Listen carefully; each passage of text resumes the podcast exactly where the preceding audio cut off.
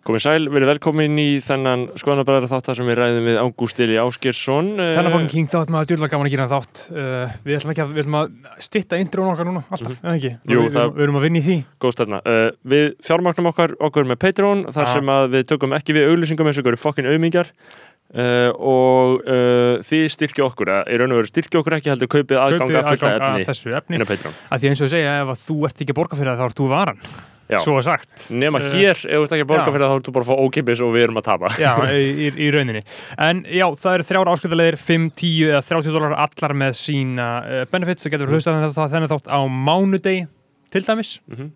síðan eru það 30 dala áskriftin, besta Mhm. áskriftin þeir fá virðingu á nafnið sitt í byrjun hvers þáttar og það eru þeir Andrés, Benedikt Bjarnason, Björgvin Helgi. Uh, Björgun Ívar Baldursson. Brynjar Guðmundsson, Erik Ólaf Eriksson Geoffrey Huntington Williams. Haldur Clemens Hjartar. Hjörtur Páll Hjartar. Haldán Sveinsson. Tónlistamæðurinn Dirb, Sturla Snorarsson Naflaus KFK aðili. Tindur Kárasson Úlfur Árnason. Og loks Ari Helgason Einmitt, þetta er fólkið sem að styður okkur um 30 dali, síðan er að Jóhannes Haugur Jóhannesson, uh, fyrirviðandi styrkjakongur sem að styður okkur um 31 dal og síðan er það styrkjakongurinn sjálfur, það er Tandri Snær Tröstason sem að fær í hvert skipti sem að hann er styrkjakongur ómælda virðingu á sitt nafn, Tandri Snær Tröstason, konungur Íslands Hann er að skrifa nafn sitt á spjöld sögunar Einmitt. Þegar Gústi vinnur Óskarsvelun fyrir teiknimynd Já. þá uh, hlust allar þetta viðtal Það og þá verður nafnið hans Tandra sem Já. Stýrir Hann var styrkjakongur þáttarins sem að hleyfti af staðferðlinu í Augusti fær. Óskarinn.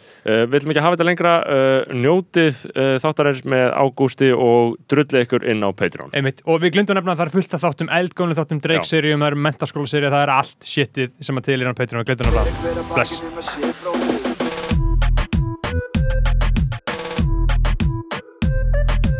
Fyrir hver að bakið um að sé bróður eigi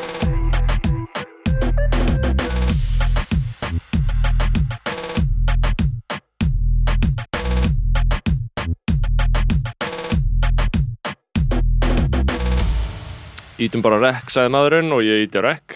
Við- Vert- Vertu velkomin Ágúst Eli. Takk, takk fyrir. Uh, Sumdagur fyrsti. Þessi þáttur er tekinu upp Hvernig, Er hvernig, ekki Gleðilegt sumar. Gleðilegt sumar. uh, Sko, þetta er bæði White Boy Summer Mhm. og svo heyrði ég að þetta væri Hot Girl Summer líka hjá stelpunum sko. Já, Er það aftur? Það var? Já, var það síðast sumar? það, það var síðast sumar sko. ok, var en það er sumar. grunnilega verið að endur taka það, já Já, já, og það er bara jákvætt Og hvort Já, er þið, er þið meira Hot Girl eða White Boy í sumar? Uh, Bara, þú veist, bæði sko Já, Bara fokka með báði sko Já. Bara, þú veist, ég bara uh, ten, tengi við bæ, bæði sumrin sko já, ég mitt Ég held, Einmitt. að, ég held að við séum mjög mikið White Boy Summer hérna uh, Já, þið segið það, velkomin Gústi uh, Gaman að vera komin skoðan bara ekki satt jú, hérna, gaman Já, þú, þú hlustar á þetta sétt eða ekki? Ég hlusta á okkur sko, Já. ég hérna, er á Patreon sko Já, já, Já. einmitt, einn af þeim, einn af þeim. Eh, minni þá á það að þeir sem er að hlusta ætti að vera þar líka sko eins og, eins og allt alveg almennlegt fólk eh, við erum alltaf að ræða ýmislegt Gústi er búin að vera í leiknum það er, Einmitt. Eh, mér finnst skemmtilegt að fá sko jafnaldra mína, fólk sem ég þekki það er eiginlega uppáhaldstætni mín, þannig ég er spenntur fyrir þættinum í dag. Uh, og sko uh, byrju ég að stilla hérna. Já, þarna ég var að lesa bara, að því ég var að lesa í gær því að þú er náttúrulega, náttúrulega í listum Gústi, og, og myndlist eða svona aðalega svona grafík og svona. Uh, þá var ég að lesa bara að því ég man eftir því núna. Uh, mjög langan pistil á menningar átökunum vitið hvað Facebook hópur það er? Já, já, Gekkjaður hópur. Geggjar hópur. Uh, og það gera skoðu hlutir hann inni. Já. uh, og ég var að lesa langa pistil þar um uh, það sem að sem sagt, einhver uh, höfundur teiknumyndasögu hafi verið brjálaður vegna þess að hann hafi búið til teiknumyndasögu og svo átt að fjallum hana í lestarklefanum og það sögðu allir bara eitthvað, já, ég lesi eða ekki teiknumyndasögur, ég las þetta ekki. Og hún var samt á dagskrá, sko, þú veist, og það fokk, þú veist, það bara svífirt eða allir Já, ok, það, pælinguna. það, það, það sjönnuðu bara allir bókina en áttu sem það hafa lesa hana? Já, áttu að hafa lesið hana, þú veist, að því að ef þú ferð í lestarklefan þá áttu að fjalla um, skilur, eina bíómynd, ein, ein, þú veist, eina bók og eitthvað svona. Og allir eitthvað svona, já, ég gati eða bara ekki lesið þetta því það skildi eiginlega engin einhvern veginn pælingur og höfundur var brjálæður skiljanlega. Já, skiljanlega. Skiljanlega, því að þú veist, þetta er svona eini vettvangun það sem er hugsanlegt að hann fá að yfir einhverja Einmitt. á uh, einhverja íslenska teiknabindisögu um, og þetta vakti mikla umræður. Og ég var bara svona að hugsa sko, hvað, hvað eitthvað finnst um þetta, er þetta ekki típist eða, eða þú veist, hvað, er þetta típist fyrir teiknumyndasögu, Gústi, hvað myndir þú segja um það? uh, Ég er náttúrulega Þú veist, lesa ekki teiknumyndasögu Ég hugsaði það líka, ég, sko. ég er alltaf skil fólki mjög vel En hérna Svo er það líka, þú veist, vinnan þeirra Þannig, Já. hérna Þú verður eiginlega bara að gera það, skilur Já, það er ekki vinna þeirra sko að kríti, krítisera þetta sko, það er að segja sko fólksins. Heldur, Nei, ko- en- kemur svona venjulegt fólk bara í lestaklefan sko og spjallar. Nú, já, ok, þannig það var þú veist, þetta var bara eins og Já, við hefðum verið fengnir einmitt. þarna og ekki vita shit Þetta og er- ekki nefnt að lesa þetta Þetta er í vídeo, en bara á það? vefnum, Ég veit en það ekki, ekki, ég veit ekki, eða bara útastáttur. Mhm. Þetta er sem bara þáttur það sem að venjulegt fólk, eða venjulegt fólk, eitthvað svona listneikt, uh, menningareildi fólk, uh, fær að fara á rúf Mhm. og þeim er sagt, þú hlusta á þetta, horfa á þetta og lestu þetta, eða til dæmis, og við ætlum að tala um það. Hvað, þið, hvað þið finnst um Einmitt, þetta. einmitt, einmitt Og þetta það er náttúrulega, maður har heyrt fræga sögur af því að uh, fólk mæti þarna tali, segja eitthvað, já, mér finnst þetta bara magna hana og síðan þegar búið að slökka á rekk þá byrja, æ, það var fucking. Já, já, Skilur. það er svona tennstending og hann skrifar sko, kótið í eitt er að mér fannst auðvitað mjög leiðilegt að fá ekki kritík en á sama tíma er þetta kannski svolítið lýsandi fyrir stöðuna í dag á. Íslandi myndasagan er ekki tekin alvarlega sem list eða bókmyndaform það þætti saga til næsta bæjar um manneskja sem hefur ekki áhuga á klassíski tónlist og hefur aldrei hlusta á hann í óvanlega og væri fenginn til að gaggrina það nýjasta frá Deutsche Grammophon sem er alltaf rétt sko. En myndasagan, hún er alltaf ekki listform sem er nýtja virðingar í dag þannig, að ég Eh, fór bara að hugsa sko, um þetta sko. ekki kannski sem eitthvað svona uh, consumer dæmi fyrir sko vennlegt fólk sko, eins og það var í gamla þetta áður en að komu þú veist önnur aðri miðla sko. Já, hins vegar sko eru hérna myndasögur mjög mikilvægt til dæmis bara í kvikmyndagerð og þar heita þeir storyboard sko já, Já. sem eru basically bara myndasögur og raun, þú veist það er rosa lítið að því að það sé verið að búa til eitthvað nýtt núna sem er myndasaga og, og text á flug held ég skilur, ég er náttúrulega bara ekkert mikið inn í þessu En hvað, hérna- hvað er þá storyboard? Er það bara eitthvað svona grunnur af bíómyndunum eða? Uh, já, það er í rauninni bara þú veist, það er bara myndasaga af því að Mhm. hérna, þú veist, þú gerir kannski handrit Já, eða storyboard fyrst, skiljur en Mhm. allavega, sérstaklega í eins og teiknumyndum og okkur svoleiðis, þá er bara okkur mikilvægt að, að vera með hérna einhvern veginn uh, að sjá dótið en geta ekki, þurfa ekki bara, geta ekki bara lesið það, skiljur og þú þarf að sjá líka hvernig það lítur út einmitt. En mér finnst það svo áhugaverð umræða sko, sem myndaðist að því það var svona augljóst bara að enginn á Íslandi pælir efer nokkuð tíman í myndasögum sem listformi. En samt veit ég Nei, að þetta er búið til sko, þú veist, það er fólk sem býr til myndasögur og það, ég, meina, ég man að þú fegst eina í jólagjöf einhvern veginn uh, hérna um árið Já. uh, og bara svo áhugavert sko, veist, að, að það vilja enginn lesa svona meðan allir eru samt að skilur skoða einhverja myndir og þykist lesa einhverja texta skilur, þetta er bara eitthvað sem er ekki að ná í gegn skilur. Já, þetta- þetta- þú veist, ég hef alltaf hugsað þetta sem eitthvað svolítið svona kvöld nýs dæmi það er alltaf bara eitthvað fólk, þú veist, mér finnst það smá bara svona karakterenginni að hafa lest myndasögur Já. að það ert eitthvað að það, út að þótti vó kú, það kom smá svona eitthvað, eitthvað í tísku fyrir svona ári eða eitthvað Ég hef, ég hef alveg lesið myndasögur, sko, Já. Já. bara eitthvað svona Spiderman og eitthvað svona já legendary dæmi, sko. og þetta er náttúrulega svakalegt sko þegar meistararnir voru að, að verki þá var þetta náttúrulega mjög mikil gæði og mjög svona gott stöf skilur Já, uh, og er, er það örglega en er vafalust en Ma- maður ma- maður bara hefur ekki og þetta en ég meina, ég, ég las bara eina sem ég las var Andrisblöð og Sirpur og ég elska það og það er náttúrulega bara myndasögur. Já, maður las ógeðslega mikið af því. Mér, lang, mér langar að lesa hérna Scott Pilgrim, sko, myndasögurnar. Já. Mm. sem var náttúrulega, uh, Hva, hvað Gerð- er það aftur? það var að gera bíómynd hérna með Michael Cera, Já. Scott Ramona já, Já, já, Scott Já, Ramona, sko. Lil Uzi Vert elskar það Já, ég, ég, þess vegna þekki ég Scott Ramona út af Lil Uzi Vert Já, læginu, sko. Lil Uzi Vert vs. The. World er Já. Scott Pilgrim vs. The World, sko já. Já, já, einmitt Sko, og, Það er myndas, það er myndas það er myndasögur, það er byggt sko. á Vissi þessu svona væpi og það kemur ros- rosalega mikið inn í allt svona, allan, allan hans svona, allan hans fagfræði, eitthvað svona teknumynda crazy shit, skilur Já, já, já um, já, þetta er sko teiknumyndasögur er einhvern veginn svolítið sérstakar en það, er enda alltaf á að hafa voða mikil áhrif og Mhm. breyta hlutunum einhvern veginn en það eru samt alltaf jaðar sjálf, sjálfa Mhm. sko. Emmitt, þetta er náttúrulega bara svipað og, og hérna Hollywood sem tekur allar bestu sögurnar og hérna og gerir Óskarsvelina myndir úr þeim Já. bækur bara og hérna einmitt. En mér fannst þetta samt svona uh, auðvitað mjög Mér finnst mjög erfitt að vera, þú veist, að harka og búa til einhverja þarna, myndasögu og einhvern veginn að allir, allir er, þú veist, kótin voru, sko, þú veist, þetta er... uh, Hvað hva heiti gaurinn sem að er að gera þetta? Sko, ég átta mig ekki nógu vel á því hver höfundurinn er nákvæmlega. Það er mögulega Magnús Björn Ólafsson en ég ætla ekki að fulla það. Jú, ég held að, held að gaurinn heiti Magnús Björn Ólafsson. Hann gaf sér nýlega út sína fyrstu myndasögu, Maram, í samstarfi franska teiknaran Adrock. Já, einmitt, ég hitt, hitt hann að gaur á prikkinu hann var með svona útgáfu hóf Mhm. þar, ég mann eftir sko. og þú veist,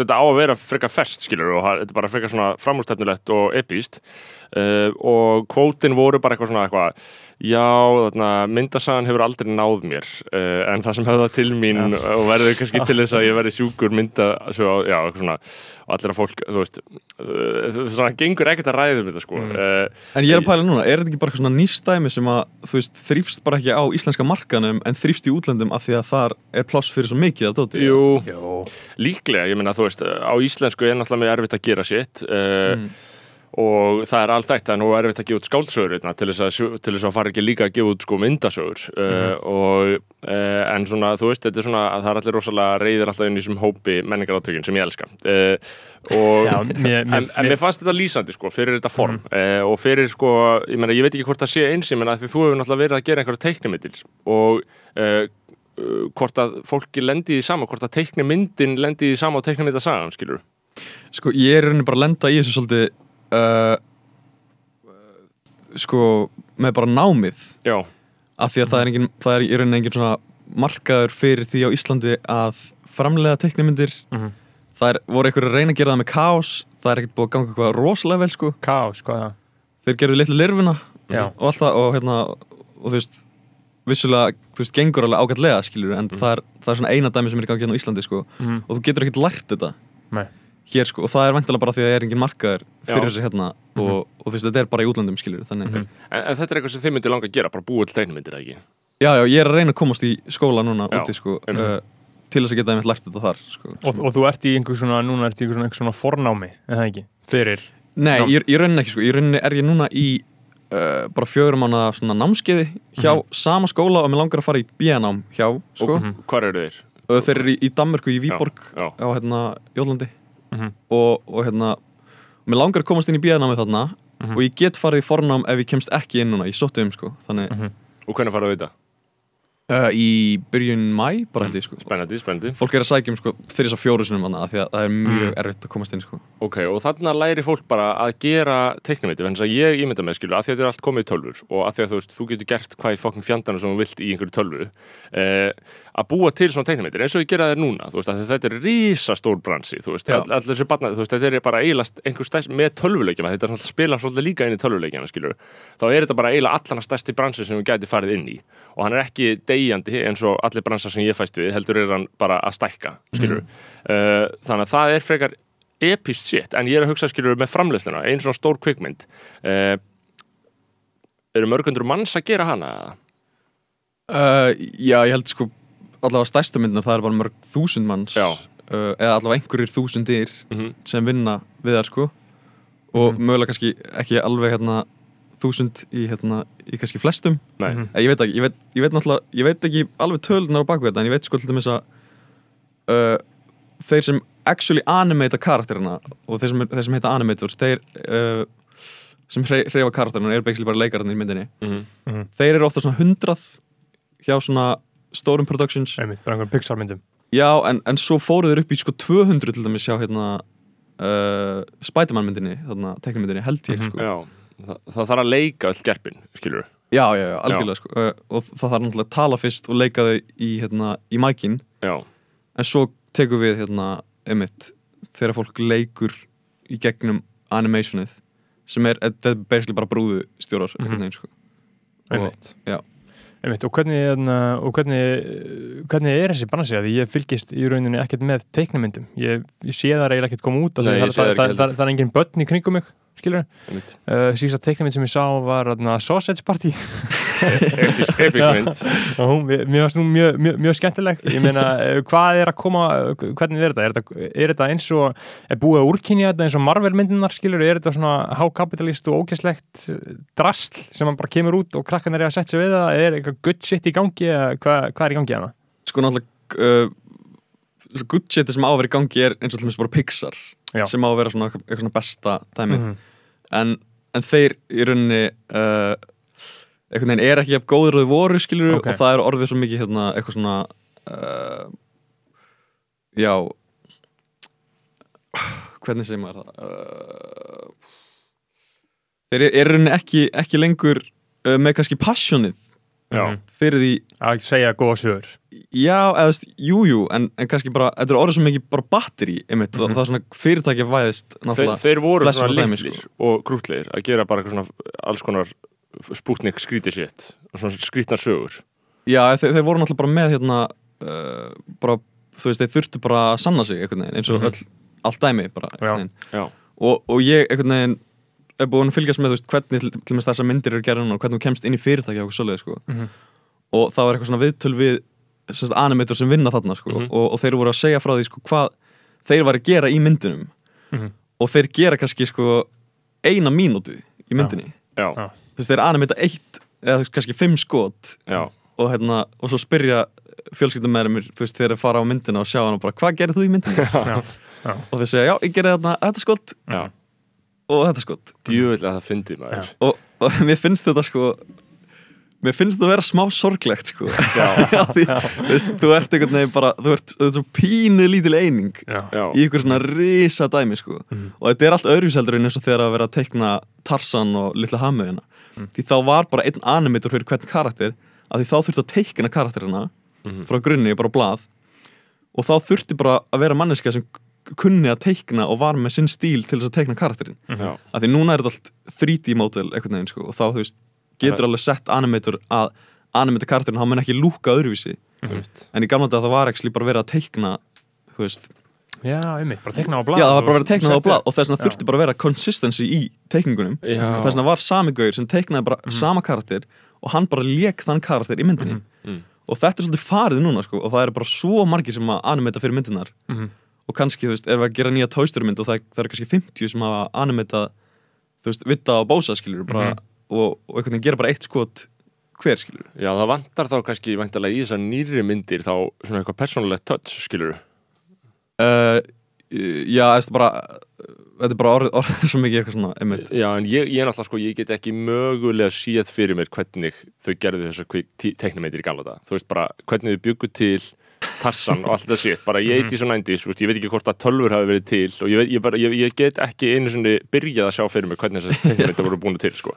Um, Saman með kvikmyndi, hvernig var að menna að klippa myndir að hann voru til tölfur já, Skilur Þeir voru náttúrulega bara bókstæðlega að klippa. Já. Þú veist, Þeir voru bara með rílið Já. og þeir klipptu það Já. og þeir límdu það saman. Þetta er náttúrulega pæling svakalegt, sko, svakalegt. Og En, en að því líka þú varst að tala um þess að úrkynun ég var að horfa á Incredibles 2 um daginn.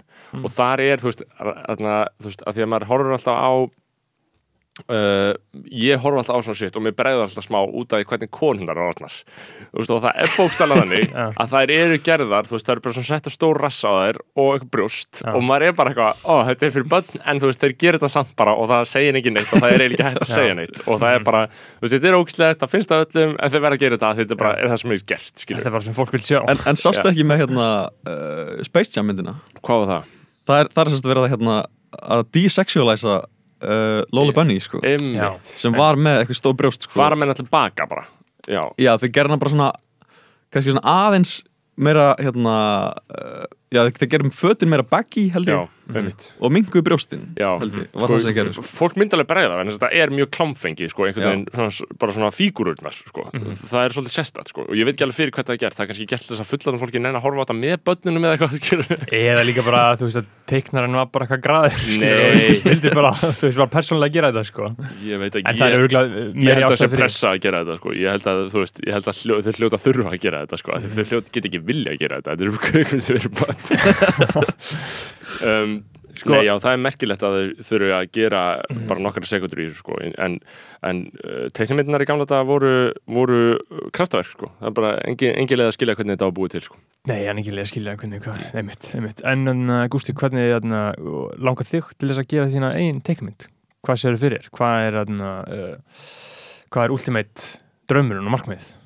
Sko uh, Já, þú veist, það var náttúrulega bara geðið skilur, og Mhm. ég, ég bara er uh, svolítið að sökka mér í þetta akkurat núna uh, Mhm. og gaman að reyna að komast bara inn í einhvern veginn skóla og sjá hvort að ég geti komast eitthvað áfram í þessu sko. Mhm. og hérna, auðvitað er maður alltaf með eitthvað svona hérna, eins og þið segið, hérna, drauma í estunum um þetta skilur Já, Þeir leynast. Það er allir með þá. Já, en ég er svolítið á því núna sko að hérna, þú veist, ég veit þetta er podcast og við erum að tala um skilur eitthvað svona, þú veist, allt skilur en, en mér langar rosa lítið að tala um eitthvað svona rosa langtörn markmið sko, af því að veginn það er svo leiðilegt að vera einhvern veginn alltaf að einhvern veginn svona tala um já, ég, ég ætla að gera Ætla, þetta, ég ætla mér að vera komin á þennan stað já, já. og það er ekki alltaf leið bara hræðilegt. svolítið að ræ- ræta bara einhvern veginn Já, sko. það er nóg að segja bara ég ætla að fara í skóla í haust eða, þú veist, Já, algjörlega sko, algjörlega hvern, Já. hvern, hvernig sem það er sko. og það getur náttúrulega alltaf, allt gerst sko, þó þú sért með eitthvað langtæði markmið sko Já, Já. einmitt, þetta er eins og, þetta er eins og Ma- Maggi Leifs var að segja okkur þegar hann var þarna, bara, en þegar hann heyrir að einhver segja ég ætla að gera Já, einmitt. Já, ég er einmitt á saman stað sko, er bara bara, ok,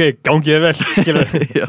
Já, ég líka, þú veist, þarna, ég var að, uh, ég var að því ég er orðið svo mikill hræðilegu pessimisti sem er bara að fara að hafa mjög neikvæð áhrif á mig en, og all viðhörum mín, að ég var að keira þarna eh, hjá Háskóla Bíó í gæru, ég sá þarna utan á, utan á bíónu þá var verið að auðlýsa, uh, hvað heitir það, saumaklúburinn eða eitthvað, það er bara einhver íslensk kvikmynd. Já, íslenska sem er gellur. Já, eitthvað, eitthvað, eitthvað drusla eða eitthvað. Nei, nei, nei, það er annað, það er annað. Saumaklúburinn eru auðvitað skárra en þarna ég ætla að kenna þér að vera drusla. Uh, og saumaklúburinn held ég að sé svona alveg bærilegt dæmi, þú veist, þetta er svona þarna, íslenska veðiferðin var frekar vinsæl mynd þarna, þegar, nei, Hún- síðasta veðiferðin Hún var rosalega vinsæl. Já, ég já, var- eftir að horfa á hana. Já, ég líka. Uh, en saumaklúburinn á víst að vera einhvers konar þarna, uh, hvern, hvern á útfærsla á þeirri mynd. Ok, En þú veist, ég hugsaði samt, skilur, þó að þetta sé allt í lagi og þó að þetta sé bara flott og fara í bíó og fólk horfa á þetta og Íslandika sé ánæður, þá hugsaði ég bara, ó, ég var bara leiður að þetta sé það sem er að vera til á Íslandi. Og ég veit að við getum ekki klórað okkur upp úr því, þú veist, eina málið er bara að fara til útlanda, það er bara ekki nógur, þú veist, það er bara ekki neitt í þetta, skilur, og það er bara allt sökkað og ég hugsa bara, af hverju er þetta allt framleitt, af hverju er, þetta bíómyndi, hvað heitir hún, hvernig, ég ætla að kenna þér að drusla, af hverju er þetta búið til, já. Svo, Hvað hva myndi það? það er eitthvað svona massa low budget. Já, ég er bara ekki að setja á strætóskílum Hvernig á að vera ég ætla að kenna þér að vera Já, drusla eða hvernig, hvernig á að vera drusla það er eitthvað. gælla sem fer á sveitabæ með einhverju annari gælu og hún er sveitakona og er drusla og það Já, er alltaf en- í einhverju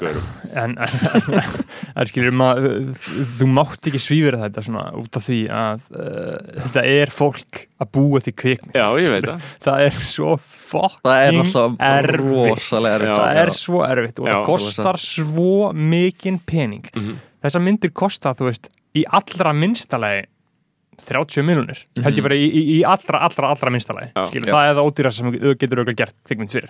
Og örgulega allir á skítalöfum samt sko. Já, allir bara að fucking skölla sér í gegnum þetta. Og smekkur mannsins er svo misjafn það er algjörlega magnað hvernig smekkur mannfólks getur verið misjafn. Já, einhver vill bara fá Já. síðasta saumaklubin og að-klassa druslu og, öðna, já, þetta er það sem ég þarf að heyra sko. og, öðna, og, og, og, síðustu veðferðina smekkurinn er pælið í hvað er ótrúlega og þetta er náttúrulega smekkurinn er svo fullkomlega abstrakt skilur, þú veist, hvað hver og einn hlustar á eða horfir á eða hvað sem er, þetta er bara eitthvað, það veit enginn af hverju.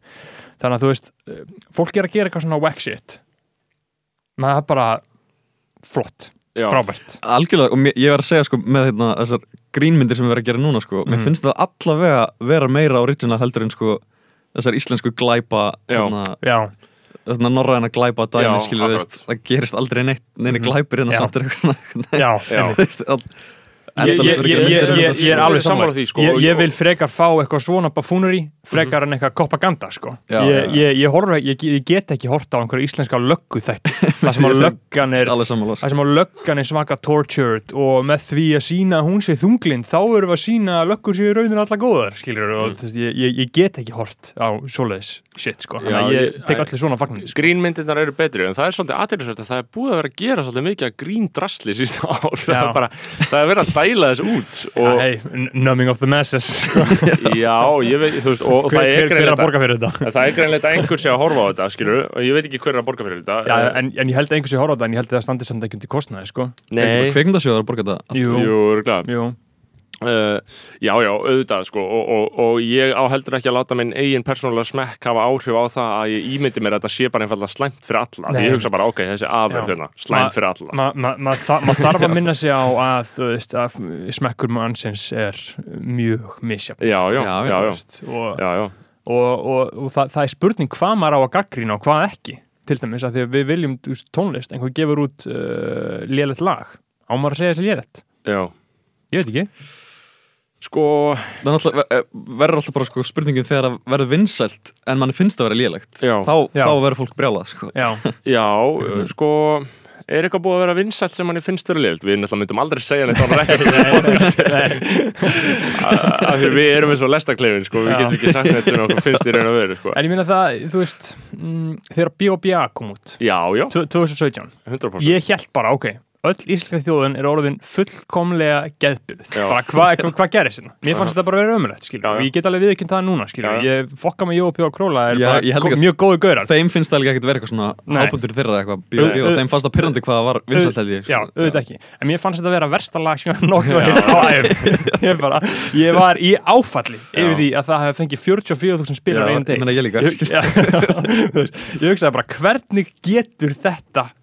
gerst? Ég, ég, ég, ég gatt ekki skila Mm. uh, En ég sagði ekki neitt, ofinbarlega Þú veist, af hvað ætti ég að gera það?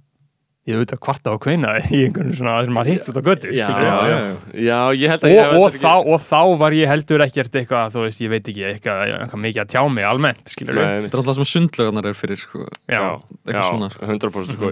ég, atna, ég var einhvern mann leiðilegu við þá í einhverjum pislum sem ég var að sko einhverjum hræðilegum pislum hérna á 101 og ég æ, æ síðan séð eftir því sko því að þú, þá er Varst að gera það?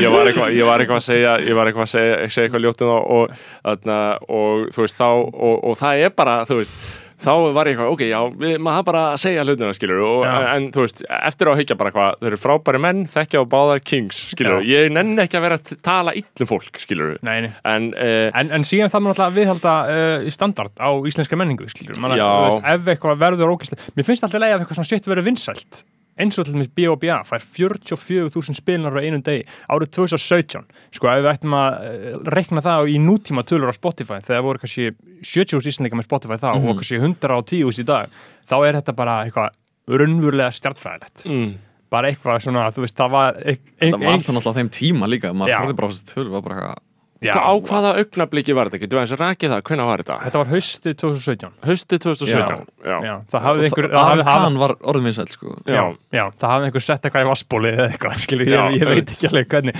hvernig, E- hvernig, hvernig þetta gæti átt sér stað hugsaði ég þá Þetta var náttúrulega, þú veist, 2017 var sko pík góðari Það er Já. eiginlega stærsta árið í íslenska Já. góðarinu Var ekki sæferin þetta sumar? Jú, og málið er að Íslands rap var svo ógeðslega vinsælt akkur þarna, píkaði með sumurinn, með Já. sæfernum og mentaskólalög voru vinsælt sko. Já, er það? Voru þau vinsæl þetta? Voru, voru ekki mentaskóla lögu umferð þetta 2017?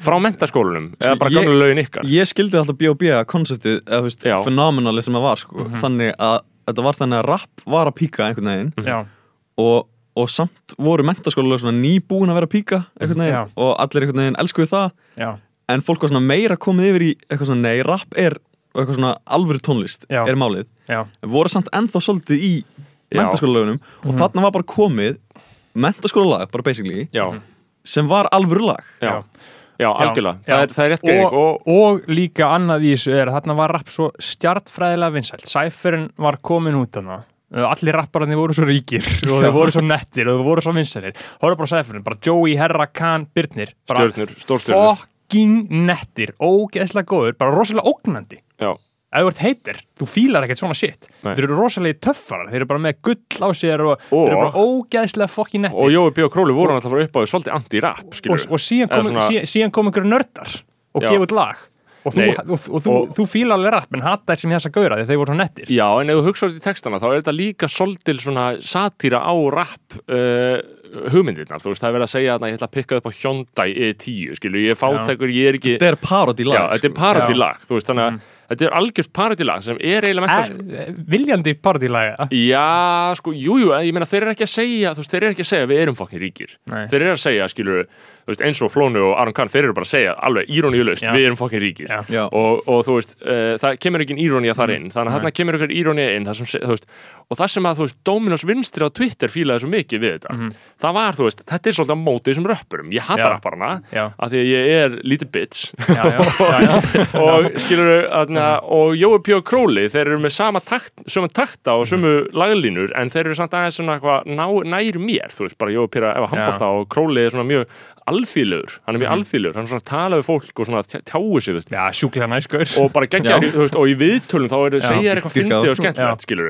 þeir, þannig að þeir eru miklu, miklu aðgengilegri en Já. stóra rap-elitan, skilur sem var þarna já, já. trón, sem var að að ógna íslensku samfélagi í Costco mæti Costco og þú veist, bara með bara í Costco og ég var með þeim í eigum þetta sumar og þú veist, þeir heldu uppi þarna, betur, hvað er þetta 2017? Er það að rugglast eitthvað? Þetta er 2017. Já, þetta var, já, 2017. Já, Jói P. gaf náttúrulega út fyrrum sumari 2017, þá gaf hann Já. út hann að ég vil það og það var líka styrlað vinsælt og svo fór hann í bombuna Já. með, með, og það var náttúrulega líka mýmlag já, já, já. fólk hlusta á það í djóki Já, en það var náttúrulega líka fokkin en, en gott sí- sí- og síðan skilurðu. var það í alvörunni Já. ég byrjaði að fíla la- þetta lag sko bara alveg þú veist, Já, það, það, það törnaði já, Já, algjörlega sko Já.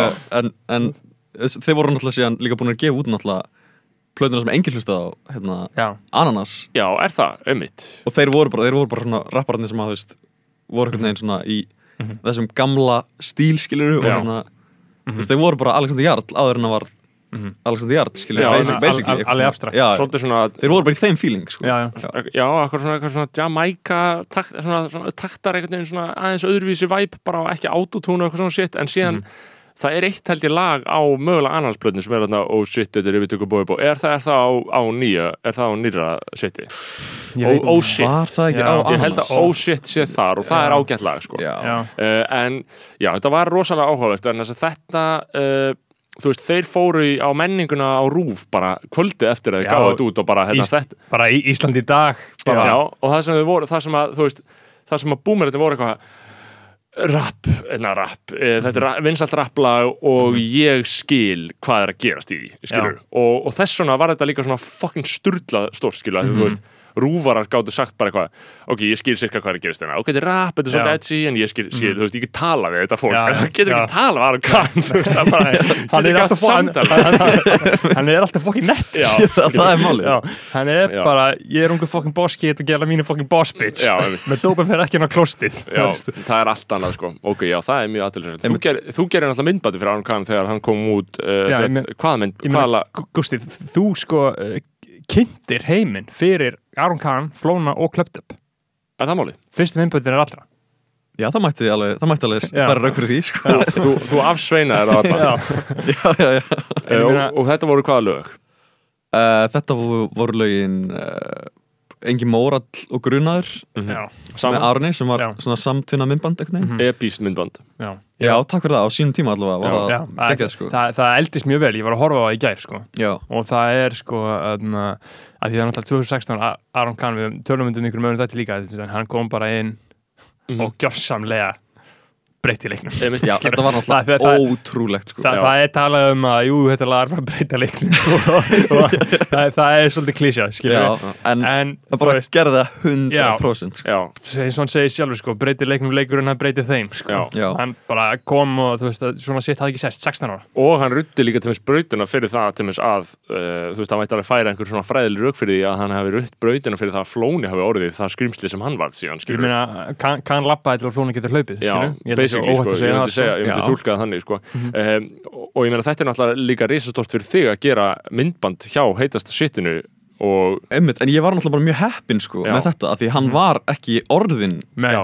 vinsæll, eða það vinsæll þegar ein- einhvern veginn Já. ég kem inn í þetta og Já. það, það er mjög gaman að hafa tekið þátt í því sko, að Já. sjá þetta allt Já. einhvern veginn unfolda sko og uh, þannig við lýsum myndbandina þessi, þetta er bara one take uh, að lappa, Aron Kahn að lappa gegn Grafóin, G-Town heima hverfi sitt. Já, já, uh, Himinin fjólublaður Já, og, og síðan eh, fyrst er engin mórall og síðan kemur grunnar og þá koma litlu G-Town Goons sannir fyrir aftan að Mæta dansa sko, Uh, þetta var þetta, tók, þetta voru ekki langar tökur er? Nei, þetta er náttúrulega mjög fyndin saga bara sko. Uh, og einhvern veginn hérna fæ bara message þarna frá einhverjum gaur sem spyr hvort að, hvort að ég hérna, vil ég gera myndband með hann sko. Og, var, og kemst það sko setna þá hérna var hann búinn að tala við sko Helga Hannes Mhm. sem að hérna uh, við þekkjum bara verslun já, sem var í 12.0 sem sagt Mhm. eftir mér og Begga.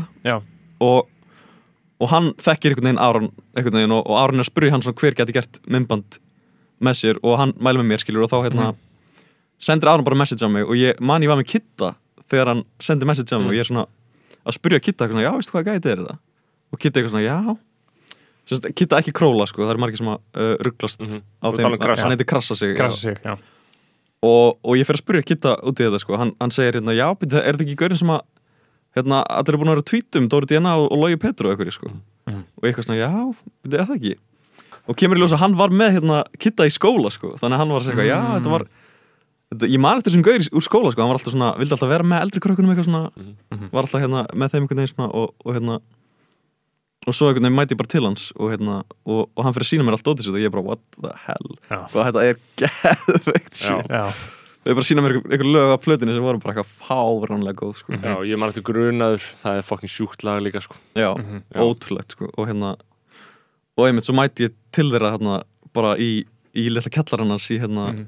í gráðinum sko. Mhm. og, og, hérna, og hann var, var með mjög sterka hugmyndu hvernig hann vildi hafa þetta sko, og, hérna, og hvernig hann vildi taka upp uh, vídeoð á, á veginum sko, sem hann lappar alltaf í skólan á hverjum degi sko, Mhm. sem er mjög nett sko, og Já, þetta er einhvern veginn svona þetta er svo mikið rappar að dæmi eitthvað svona, Já. taka upp í hverfinu sínu á, á veginum sem hann lappar á hverjum degi skilur Mhm. einhvern veginn bara einhvern veginn, það sem hann kom upp einhvern veginn Mhm.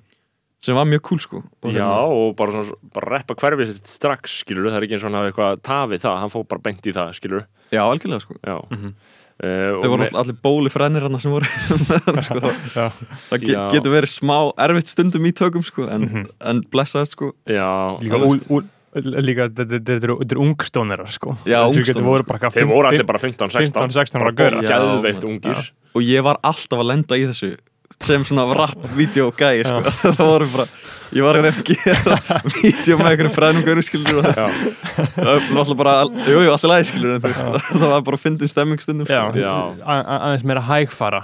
Já, það er líka svo já, bara svona ég þurfti alltaf að vera með rænu sko. Já, Já. það er svo fyndið að uh, menna því að bara þú ert að taka fokkin tónlistamöndan þarf að vera friðin núna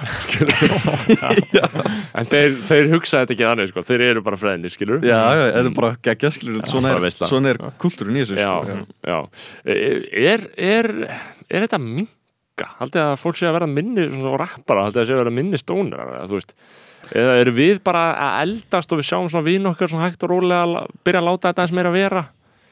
Hvað sko, ég man allavega sko, ég hérna uh, veist, ég prófaði eitthvað um hérna heima hjá 101 Boys Mm. görnum sko, eins og þú veist, Mhm. örgulega bara allir eða eitthvað, og hérna og ég man, mér fannst þetta ömulegt þú veist, mér leiði bara fokkin illa og, Já. og ég fór bara, fór bara um closet, hór í speilum, var bara paranoid eitthvað, það var hræðilega reynsla sko. Mhm. og ég bara hataði þetta og mér lóka aldrei að gera það en mér leiði alltaf smá svona eitthvað svona eins og þetta væri eitthvað, ég var eitthvað skrítin að, hérna, að finnast þetta svona skrítið Já, uh, og, og hérna, en mér finnst þetta eins og andrúrslegt sé ekki þannig núna sko, þú veist. Já. Nei. að öllum sér drull þó að þú reykir ekki, skilur Já, og þó mér finnst þetta bara óþægilegt skilur, Já. veist, og eitthvað, eitthvað þannig sko. og mér fannst alltaf svona, eitthvað svona hvað, akkur, akkur er þeir eitthvað svona að fíla þetta svona mikið en, mm.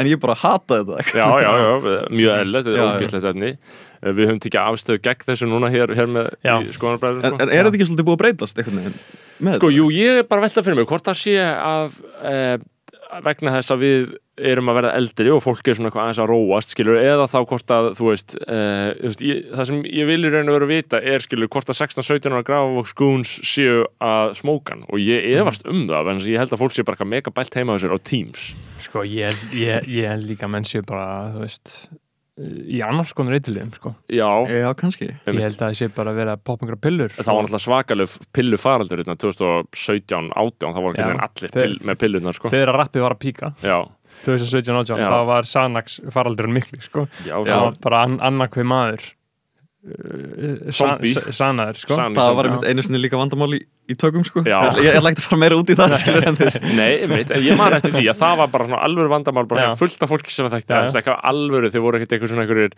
svona bandaríkja Sanax zombies en, nei, nei, nei, nei, en, en þau voru bara alveg frollaðir á því Já, meðan þau voru á þessu skilur, Já. þú gæst ekki gert neitt. Og svo var þetta bara komið út í einhverja kókainpillur ég man þetta kókainpillur það var galið. og það er líka bara næst sko að uh, tónlistin skrásett þetta, ég menna þú hlustar á rappið frá 2017-18, þú veist það er bara verið að tala um að poppa pillur, því það var bara sem það var í gangi já þú veist, þeir, þeir voru bara Já. að gera það var bara verið að poppa pillur. Og það er bara, þú veist, eins og það er sko, en síðan einhvern veginn bara feita þetta út sko já. Eh, sko, þetta myndband með Aron Kana þegar þá fengum við að sjá hann, skilur þú veist uh, það er náttúrulega það sem skiptir máli í þessum tónlistamindbandum eða ekki, að, að fólk fá að sjá sjá listamannin eða hvað?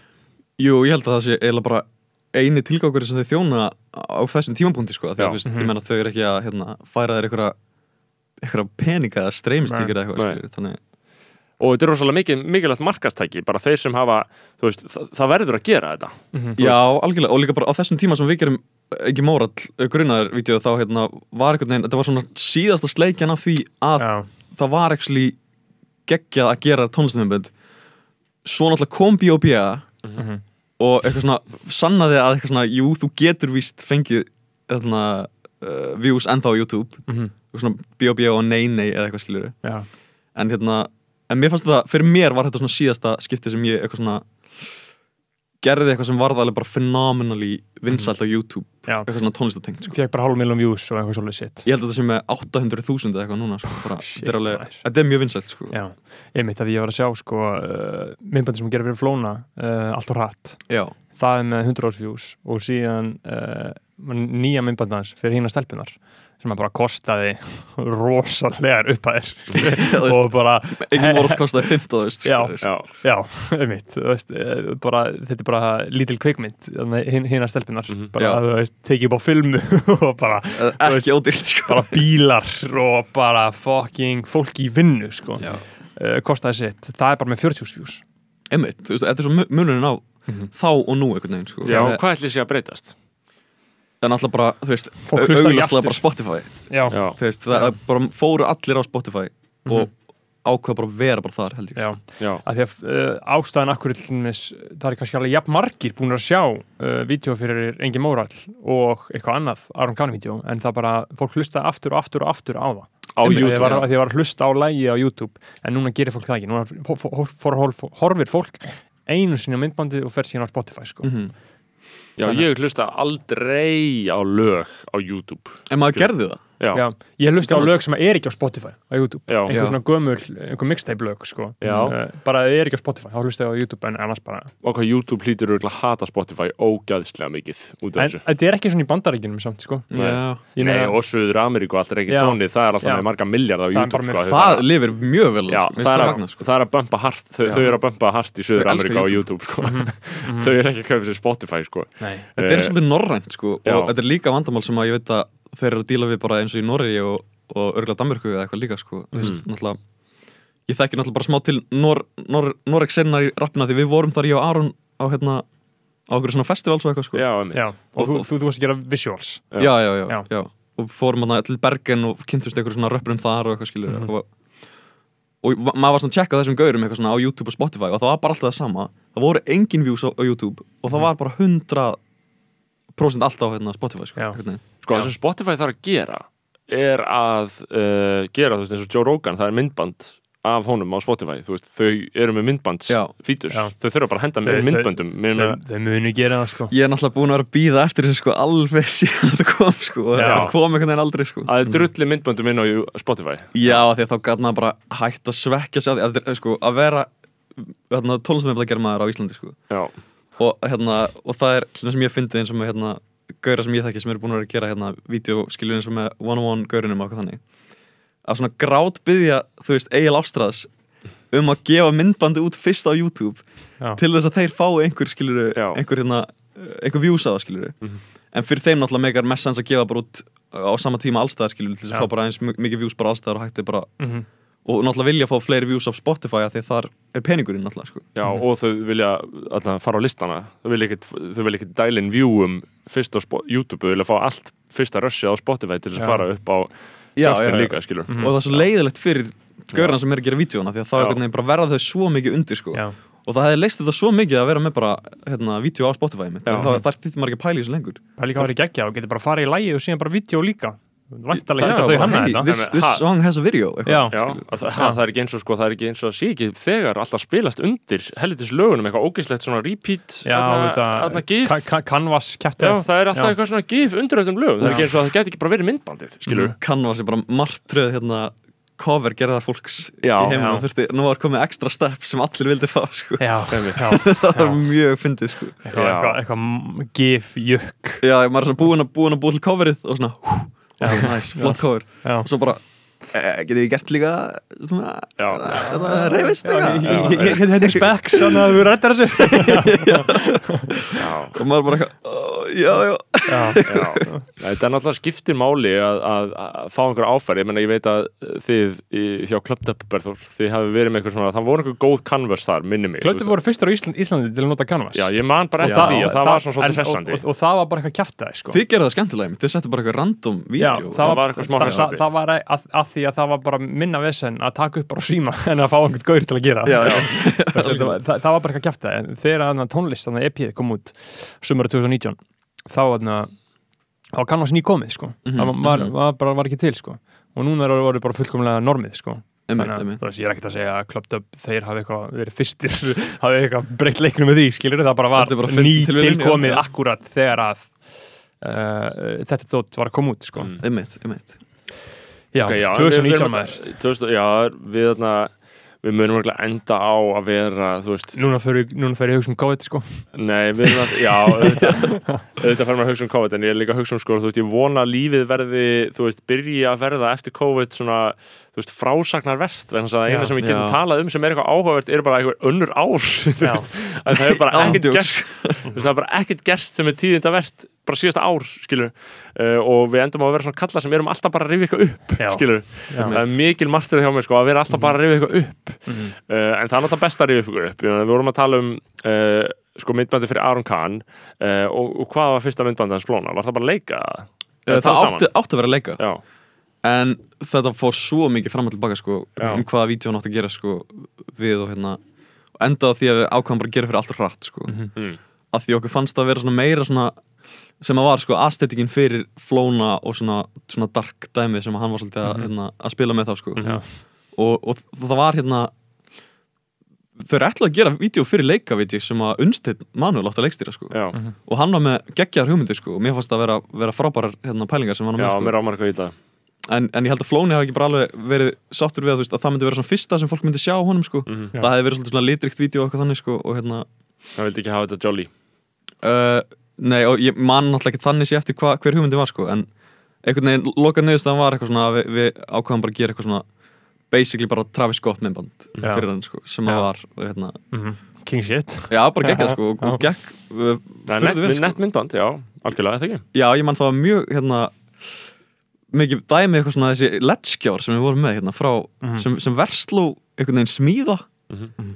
til þess að vera með í Nemo og einhvern veginn heyrum við af þessum letskjá sko, hérna, Já.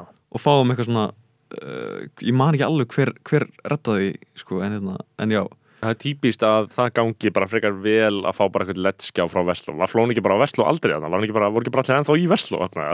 Jú, Mm, eh, ok, ég man núna hvernig það var Jú, það var þannig að ég fekk hugmyndur um að nota letskjáin í eitthvað vídeo að því mér finnst það svo geðið að það væri til letskjár bara í Vestló og það og, og svo dýrt að lega letskjá sko, Mhm. mér langar alltaf að hafa letskjá í vídeo og hérna, og síðan einhvern veginn hérna uh, heyri ég semst af því Mhm. að hérna að Vignir félagi minn, hann ætlaði að fara að taka upp vídeo uh, áður en við tökum þetta upp með letskjáin fyrir eitthvað svona verslódæmi sko Mhm. og, hérna, og ég var bara eitthvað nei, nei, nei, nei, nei, nei, því það hefði verið svo slæmt sko, ef, ef, sóa þessu já, ef Versló hefði gefið út eitthvað, eitthvað Já, dæmi með letskjáin einmitt, Já. einmitt. Og svo hefðum við gefið út flónavídeó með sama letskjáin Já. og þá verður virði production value bara algjörlega það Já, sko. Já, og ég náði einhvern veginn að samfara þeim sko, að, náttúrulega bara umurlegt af mér eitthvað að vera eitthvað að segja við þau bara eitthvað nei, okkar verkefni er mikilvægir eitthvað skilur Við meðum nota þetta skjá sem þið eigi sem þið eigið sko, þetta var þetta var náttúrulega alveg umurlegt moment sko, En hvað en hvað ætli þau En ég náði að samfara Já, sko. en hvað, hvað gerðu þau? Þú veist, bara eitthvað myndband, eitthvað versló ég man ekki eins og hva, hvað þetta var sko. ég man ekki hva, hvort þetta hafi eins og verið fyrir Vestlóð eitthvað sko. en þú veist uh, En það, það, það var svo geggja sko, hvað, hvað rappið og mentaskólanir voru tengdi Já, já, algjörlega, hann var alltaf bara nýskurinn og Vestlóð Já. flóni sko. Þarna voru mentaskólar eitthvað svo mikið partur af öllu Já, skilur, þetta Já. var ennþá Versló, MR og MH og veginn, þetta kannski að maður var, fólk var bara þá ungt akkurat þá, þannig að ég veit ekki hvað er að frétta í dag ef maður er orðin gamall, skilur mm. en það er geggjað sko, hvað mentaskólanir tengdist alltaf öllu, sko. Já það var rosalega lifandi fyrirbæri sko.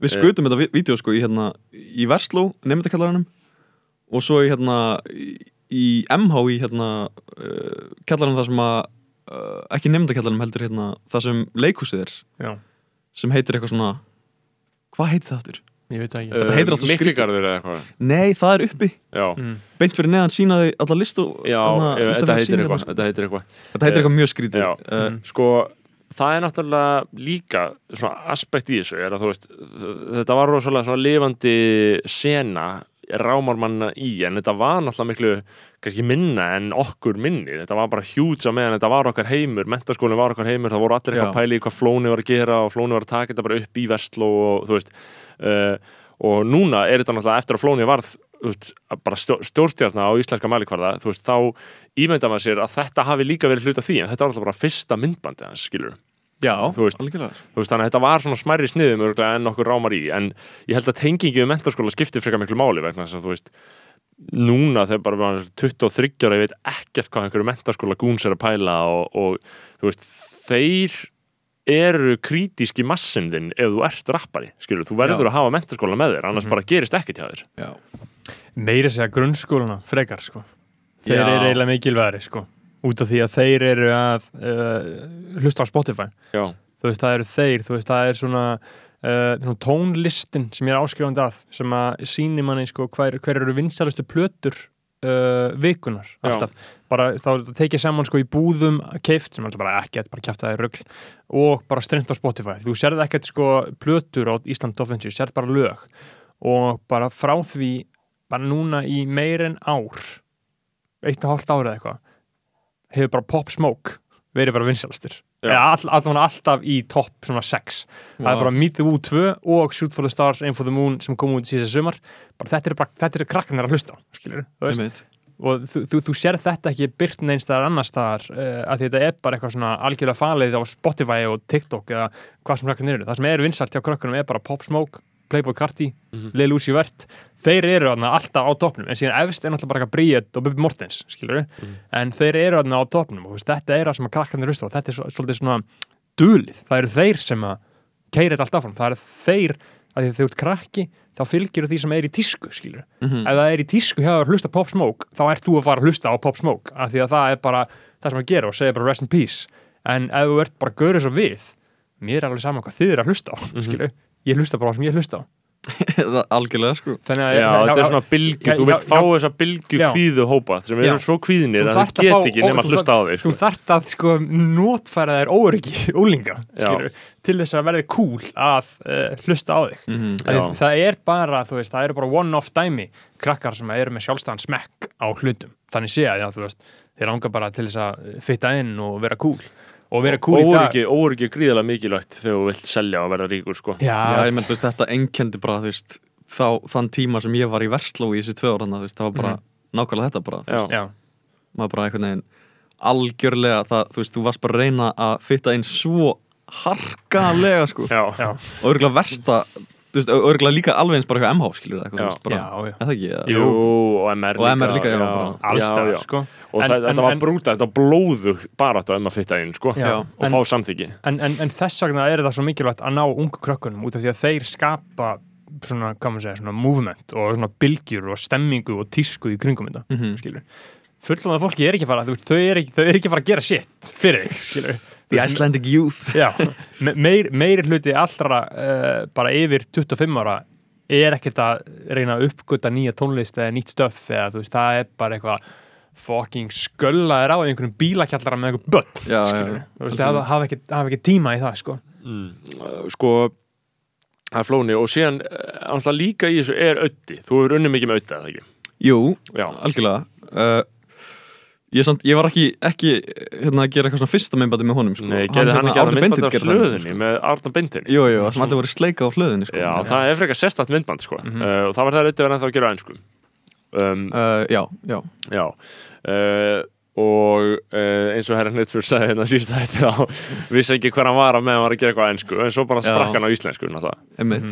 Uh, Nefna kannski Airwaves túristar einhverju skilur Já, akkurat, já, og bara svona, það voru mjög mikið gælum á Airwaves sem fannst það mjög heitur sko. Algjörlega sko. sko. Fransk-kanadíska gælur ég hataði þær að meðan þær voru hérna, en ég elska þær núna, ég vil hafa uh, Airwaves, ég vil hafa Airwaves túrist á Íslandi bara út um allt sko. Ég sko. ég, ég, bara því fleiri því betri sko. Já, Og ég vil hafa allt fucking morandi í túristum hérna þegar Já. þetta klárast sko. uh, en uh, með auðvitað, ég meina, hvernig var það? Skilur, hvað, hvað gerir þau fyrir hann? Uh, Það byrjaði bara með því að hann hérna Við tókum fund á Babalú, kaffi Babalú þegar það var ennþá staðið sem að einhverju fóra á Já. sem að- það var á, á tímabili sko Já. Það er það alls ekki lengur Nei, en hann, er hann cancelled það? uh, Já, ég held sko það voru ógslag næ sík og svalinar Já, ég var alltaf að reykja sölum sko. er, er ekki lengur hægt að reykja það? Nei, þau tóku svalinar sko. Já, og það var held ég svolítið naglinn í konst, kistuna ein, sko. eina koncepti sem var þarna. Já, Það var ekki að reykta á sölunum og geði vitt í mentaskóla þetta var, þú veist, þú gæst reykt úti, slagur en það var enginn að fara að sjá þig, skilur. Einmitt, þetta var sko geðt Ég mann einu svona eftir mjög góð momenti þar sem ég sko og hérna og Bjarni Daniel hérna erum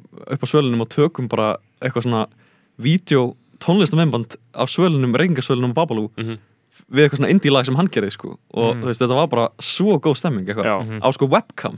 Já, ok. Já. þetta, þetta var bara eitthvað veistla, skilur Já. Já, akkurat, já, 100% Babalú, rest in peace. Rest in peace, uh, Mhm. þó þetta sé ennþá til.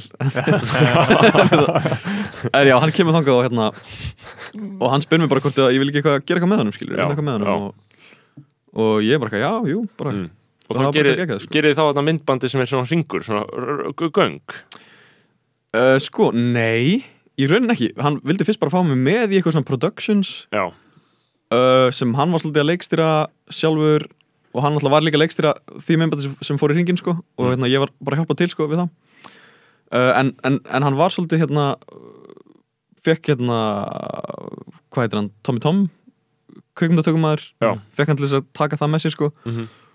Og ég var hann bara eitthvað já, þetta er mjög fyndið svona eftir að heikja sko. og, hérna, og hann var alltaf eitthvað svona að reyna svona eitthvað svona ég var eitthvað að reyna að hafa eitthvað input skilur og, já, Já. en svona þú veist, ég var bara við að ég bara var svolítið hann og þessi Ö, Þess að mér leið, sko, mér leið svo að það gert þetta af því að þú varst alltaf þarna. Þú veist, ég sá þig alltaf þarna í ykkur samingi, skilur já, já, en, en svo komið þessi mymböld svona eiginlega ekki út sko, Nei. sem gerum hana Mm. og það var fyrir Alone plötuna sko, sem var hérna uh, einhvern veginn er svolítið ancient history núna einhvern veginn í, í sammenginu sko, hvernig þú veist, hann Mhm. var svo vinsall einhvern veginn með hérna, ís, ískastöfið sko, Mhm. sem- Ég elska ennska staffans eða langt best, sko. Ég hlusta ókslega mikið á það bara sem ég ennþá, sko. Já, það er náttúrulega geggjað sko Já. Mhm. Uh, En hérna Já, síðan, síðan einhvern veginn fer ég að gera hérna uh, uh, Svona Visuals með honum fyrir hérna Alone sko. Og það, var- þá, þá var ég, fór ég að vinna actually, með honum á okkur viti sko og, hérna, og það var mjög gaman sko. Fórum hérna, ég fór með honum til sko uh, Til dæmis Danmerkur Á Spot Festival í Århus Og gerði visuals þar sem, sem var eiginlega daginn eftir að við vorum hjá Bergen sko, í hérna með Aroni sko. Já, Já, og ég flög sko frá Bergen. Skandinavíu túr sko og fór, fór hérna var uh, á tónleikunum með Aroni á Bergen og hérna í Bergen og vorum að VJ þar og fórum á okkur klúb og vorum backstage og hittum alla, Mhm. alla rapparan, hittum Kamelin og eitthvað að gaura og hérna og fórum síðan hérna uh, á djammið bara og ég djammiði alveg fram á nótt mm. og þetta er sko nettasta moment lífsmín sko þegar ég fer hérna á hótelherbyggjið bara til þess að ringja á taxa já, og hérna í símanum sko inn á hótelherbygginu og ég, ég hafði ekki opnað hótelherbyggið sko fyrir þetta sko akkurat.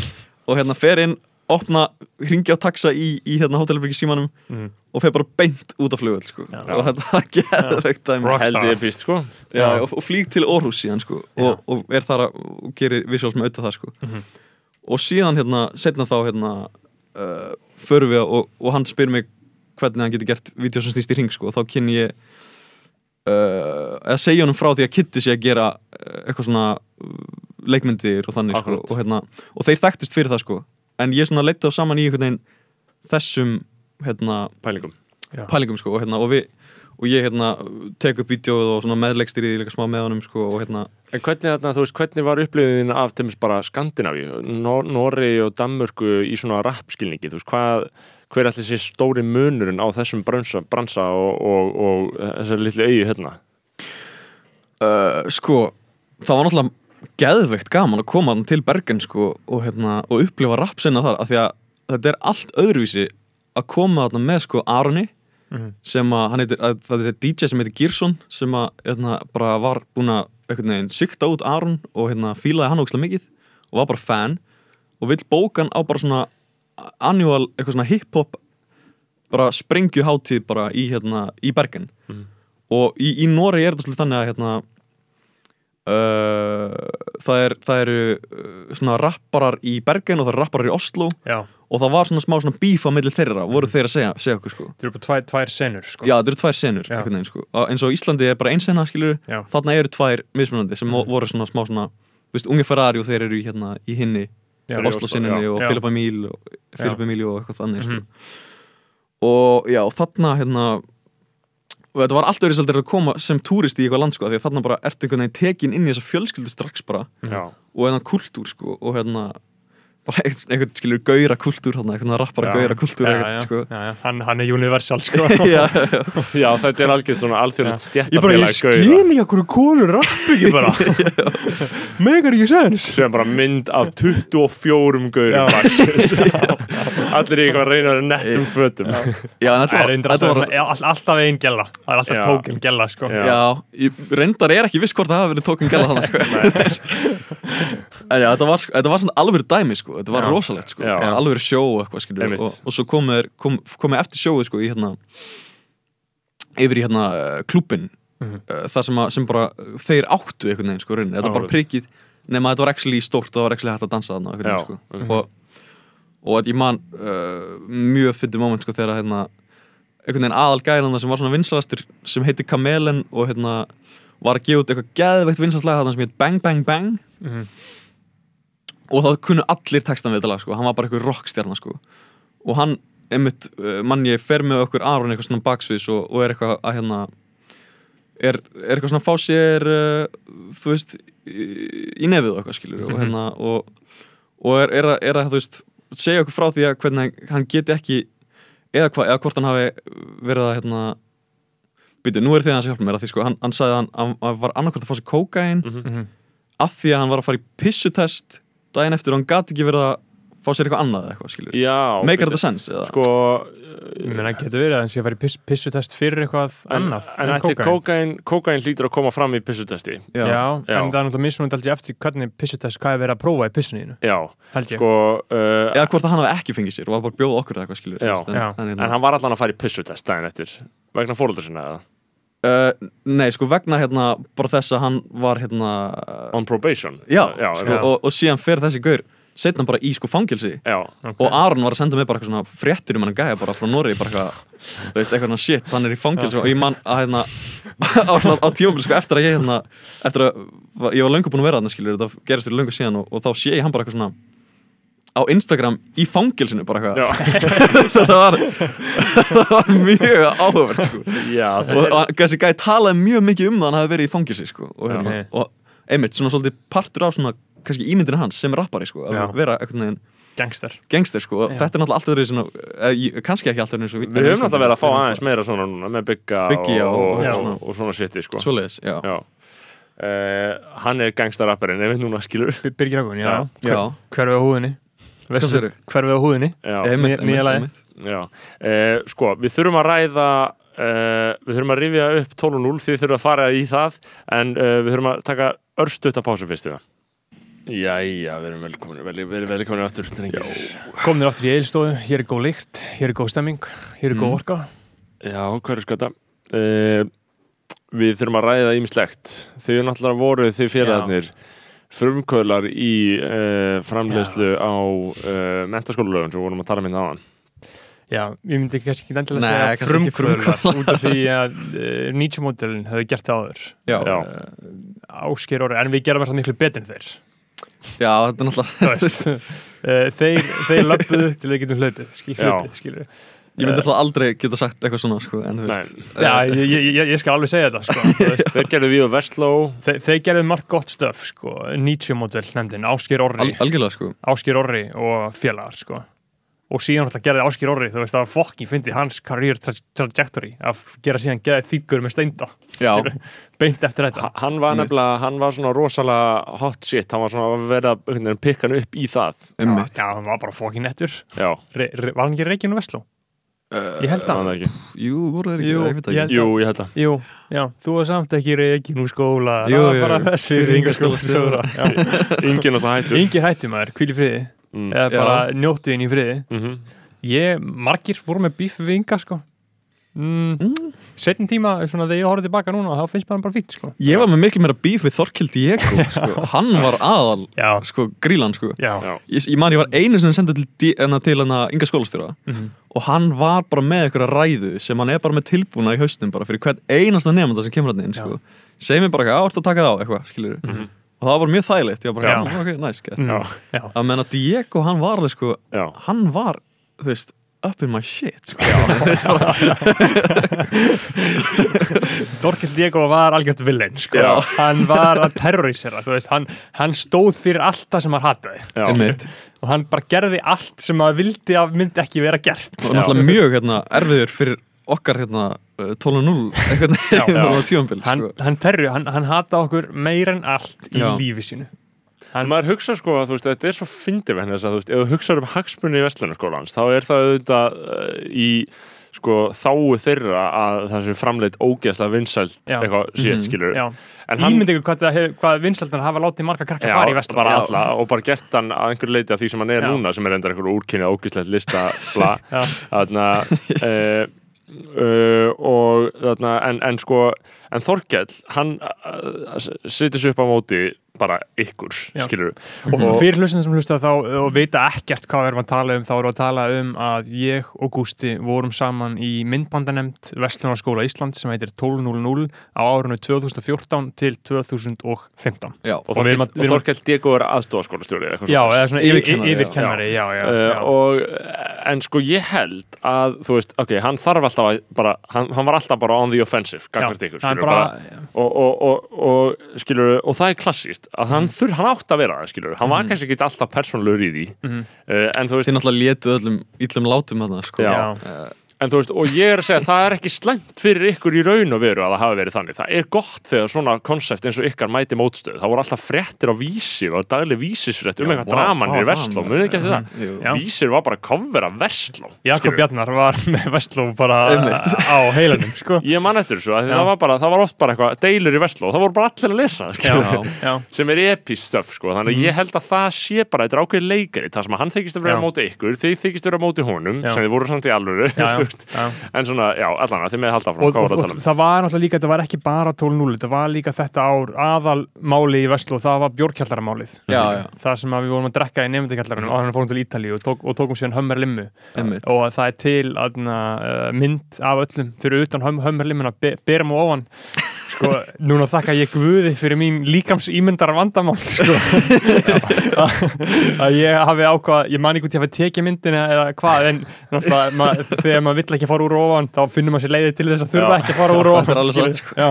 Og, þarna, og ég fór ekki úr og ofan og var þar leiðandi ekki með á þessari mynd þótt ég hafi vissulega verið með inn í mm. limmunni en þessi uh, fræga mynd hún uh, er til Mér mér finnst þetta gott, sko, að þetta sé kallað björkjallamáli, en það var eitthvað svona misætnuð valdaráns tilraun á vegum sögum svona Hitlers og þeirra sem var, er alltaf kent við björnkjallara líka Já. einhvers þar í Þýskalandi. Ok, þannig að þetta er svona góð lista, já.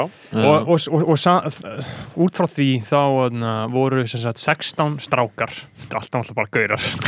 Já, það voru, voru 16 strákar reknir. Þegar við komum úr listasöguferðina fórum til Ítalíu, uh, uh, Flórens og Róm þegar við komum tilbaka þá uh, frettum við allir um reknir úr skólum í viku og enginn okkar mátti taka þátt í félagslíi já, og Já. það voru klassað svo á að, hérna, að sumir af þessum strákum voru í 12-0 já, já, alveg fjórir eða fimm eða? Já, já, og það sem þið höfðu gert af ykkur var sko að drekka í uh, kallaranum og snappa, taka enn snapchatum að bara dokumenta það bara þannig var það besta, sko. var Já. það besta, þannig var það ekki besta líka bara öryggismynda Nei, þú veist Nei, það, það, eru til margar útskýringar á því en þú veist, það var í Snapchat story og síðan á einhver hafa snitchað. Já, Já. og hafa farið með storyið upp til Inga og Þorkels Mhm. og Sigrun Höllu og sínt þeim þetta það er sagan og ég held að hún sé rétt sko, uh, að uh, það var ákveðin aðili innan nefndafélagsins sem, að, sem hafði, þeim hafði hotn í síðu þessa hóps, skiljanlega.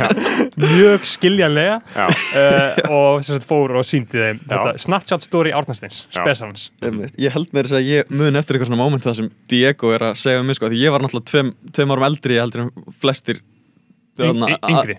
nei, tveim árum yngri heldur en flestir aðrir í 12-0 hann sko, og ég man eftir ég að Þorkel Diego sagði eitthvað við mig bara svona hvað, águst, hvað ert að gera hérna með, með þessum vittlýsingum hvað, viltu ekki vera Já. viltu ekki vera að gera eitthvað klass, Betra. þetta er klassist ofbeldstrykk Já, þú ert betur já. en þeir já, já. sko. og, og síðan út frá þessu að við vorum 16 gauðra reknir, þá spratt upp hashtagið uh, JFT16 Justice for the 16 Mhm. skilur við já, það, það, það var svona movement uh, á Twitter sko, uh, að því að veist, það er alltaf fucking brjála ofbeldi að banna nemum á síðast árið að taka þátt í félagslíf Mhm. Já, Þú veist, já, það, það voru einhverju líka bara eitthvað í skemmtinemnd og einhverjum blöðum og þeir bara mátt ekki gera það lengur. Líka bara unglingar verða alltaf unglingar og þeir mun alltaf drekka og það er bara algjörlega eitthvað. ég meina sko Ritskóðin í mentaskólum er mesta absúrt, rusla, rugg kjaftaði sem ég veit Já, um. já, sko, en þetta er svolítið fyndið, sko, þeir talandi um sögulega hliðstæður, þú veist, 1850, það er frækt sem heitir Periatið, sem varð í MR, Sveinbjörn Egilson, sem var rektor í MR, hann var að banna drengjum að drekka á skólaballi Já. og hann, eh, veist, bara, bara, hann bara reyna að banna áfengi einhvern veginn alveg í lífið þeirra, skilur, og hann var skóla, hann var rektor MR og þetta var 1850 sko. Og Periat, þeir fóru allir sveinarnir, allir gaurarnir í skólanum, fóru fyrir utan húsið hans og uh, æftu kyrjuðu sérst, Periat, Periat sem þýðir sem sagt megi hann deyja. Wow. og, og þú veist, þeir gerðu byltingu gegn Sveinbjörn Egilsinni sem er vel að merkja bara eiginlega þjóðskáld vegna þýðingans og bara mjög svona mætur maður. En þú veist, þetta var 1850, þetta var miðja öld þú veist, þetta hefur alltaf verið svona. Þetta er svo Já. epíst sko að þú veist, þeir gerðu uppreist gegn skólastjórunum skilur og það var náttúrulega nákvæmlega það sem var í gangi á ykkur þarna skilur, þegar Já. voru, þeir voru allir reknir og þurftu þá að fara ykkar eigin leið. En sko, talandi um þessi úrræð, þú veist, að Vestlunarskólinn ákveði að uh, banna ykkur að taka þátt í félagslífi, banna ykkur að þú veist, ég veit ekki hvað, fara í skólan, banna ykkur þetta hitt og hitt, og þetta, þegar maður er úlingur þá veðist þetta allt einhvern veginn svo Uh, hvað getur maður sagt, einhvern veginn svona óhjákvæmilegt og bara eitthvað svona samkvæmt reglum. Bara svona, nei, þegar ég gerir þetta, þá gerir við þetta. En þetta er auðvitað bara ákvörðun þeirra.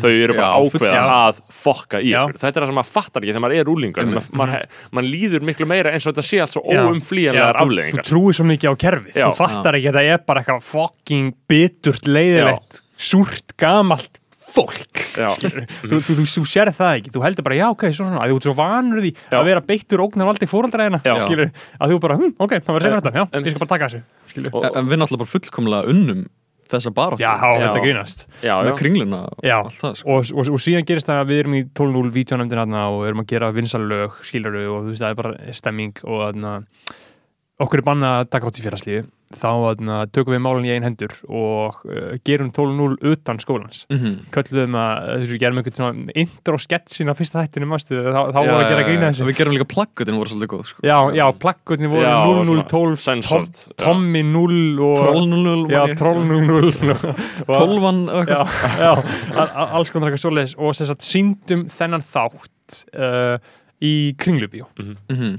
og þar uh, í, í, í bara hátæðisli í Vestló Já, og það- MH kom bara eitthvað þú Já, þættinir eru vanlega síndir uh, í hátæðislegin í Vestló inn í Bláasal, inn, inn í salnum heitir þetta 12.0 Já, En hann var bókaður á sama tíma minnum mig og hérna og, og 12.0 áttu að sína þáttinn sinn. Hann var bókaður fyrir eitthvað svona kynningu. Mm. Á, á sama tíma af því þau, þau einhvern veginn svona vissu að við vorum að fara að gera eitthvað sem við máttum ekki gera í þættinum já, og þau vissu að, að gaurarnir sem máttu ekki verið í þættinum myndi vera í honum. Já, þannig þau bara bókaðu hann fyrir eitthvað svona ömurlega kynningu á Já. sama tíma. Já. Og þið máttu ekki sína hann í Vestló? Nei, Eða Nei, basically nei. ekki? Og líka ofan á það þá höfðu Aron og Brynjar sem að voru í nefndi núna, sem er núna í klöptöf þeir höfðu verið rekningu skólinu fyrir að svindla. Þeir, þeir, þeir voru bókstálar þeir voru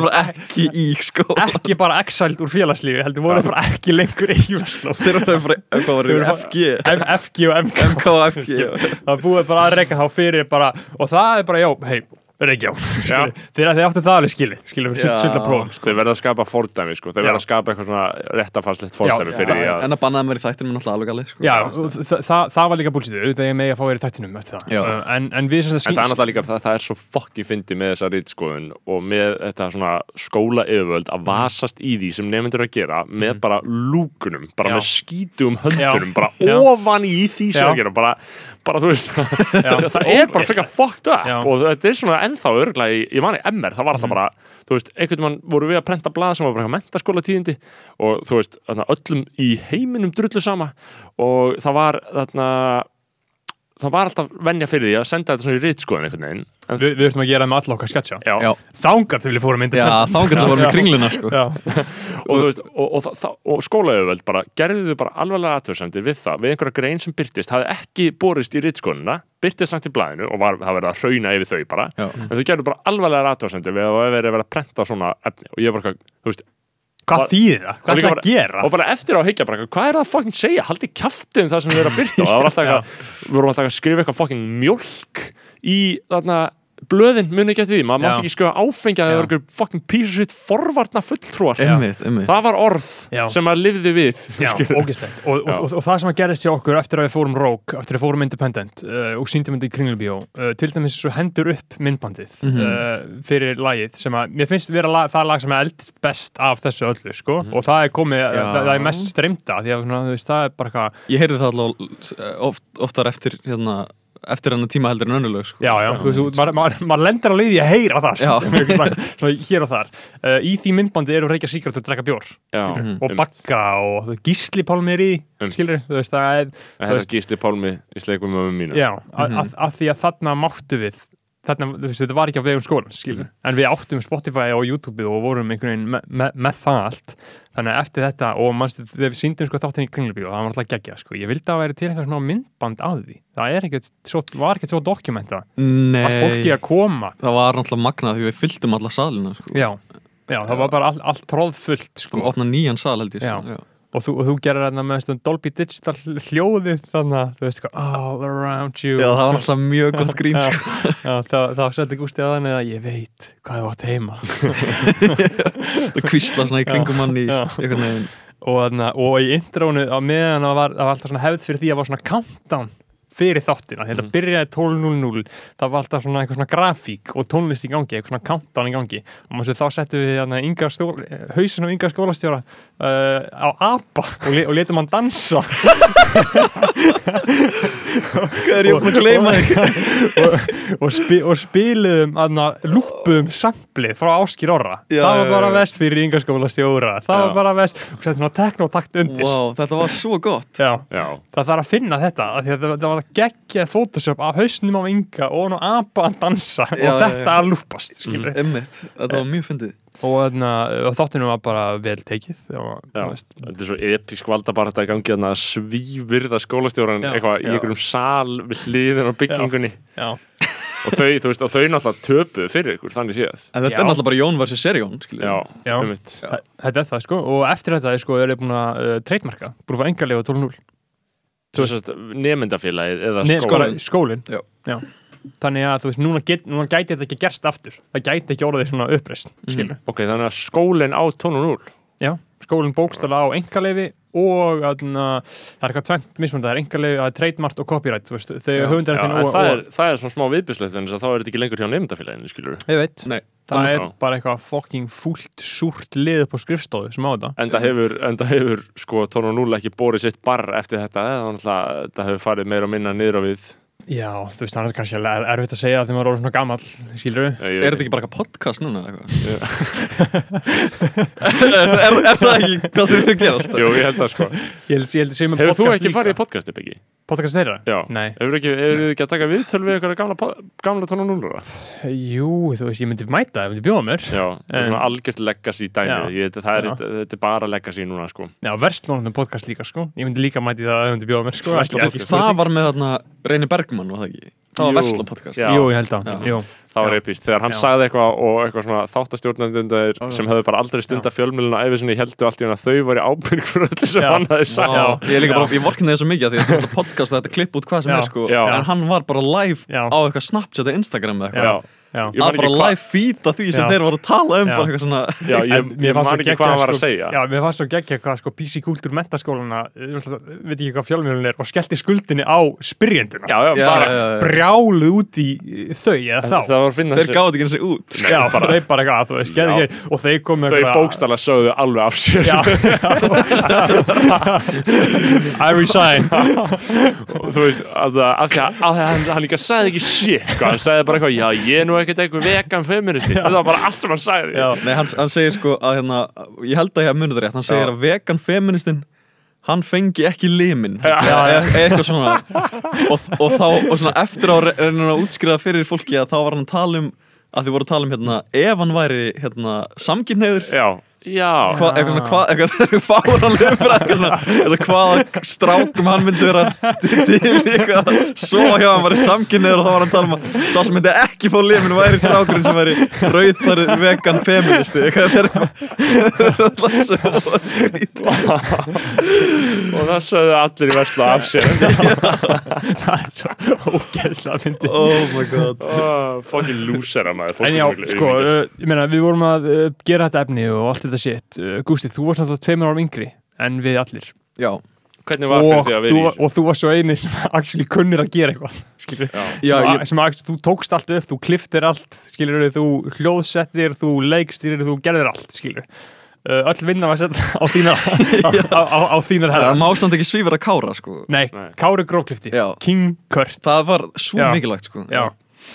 Það var nefnilega helviti góð blanda að, og meiri þess að þegar fórum síðan að gera efristjættin eft, eftir þetta, þá voru þið eh, deadly duoð, sko Þetta er svona líka í öllum productions í Hollywood sko. það er grófklift og síðan er hérna og annars væri ekki þetta að gera það, annars myndi bara að vera ykkur að gera allt það er bara fáranlegt sko. Já. Þannig, einmitt.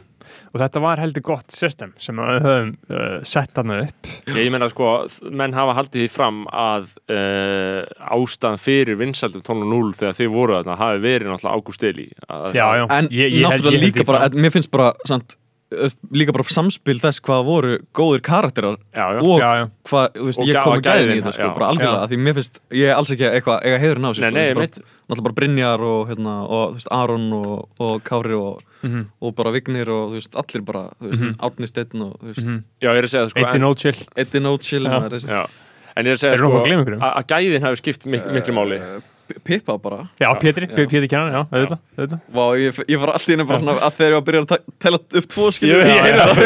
Var þarna bara eitthvað shit, er þetta eitthvað svona. Þú verður að tella upp allir. Þarna Þarna um, Nei, en ég meina gæ, gæðin voru óeðla mikil. Já, já. Já, og það, það gerði þetta þægilegt að horfa á. Það Já. var, það var, það var lýsingin, þú veist, það er aðalmáli í svona núpa shiti, Já. þá er það lýsingin sem er svo ógest Það er lýsingin og það er hljó, hljóðið sko. Já, Já. Það, það er þetta tvent sem að bara gerir manni óklift að horfa á margt svona rosalega amatjör stöf, sko. Mm. Já, En sko, þú veist, með svona að taka svona upp, þú veist síminn minn gæti maður ekki basically, þú veist, að núna er allir á netinu, það er allir alltaf með einhverja sketsa á netinu og allir á Twitter og það er allir bara að gera allt á símanum sínum, basically, skilur, allir þessi huge viral Twitter-gaurar og eitthvað svona shit. Símatin er alveg múin að taka yfir það svið, þú veist.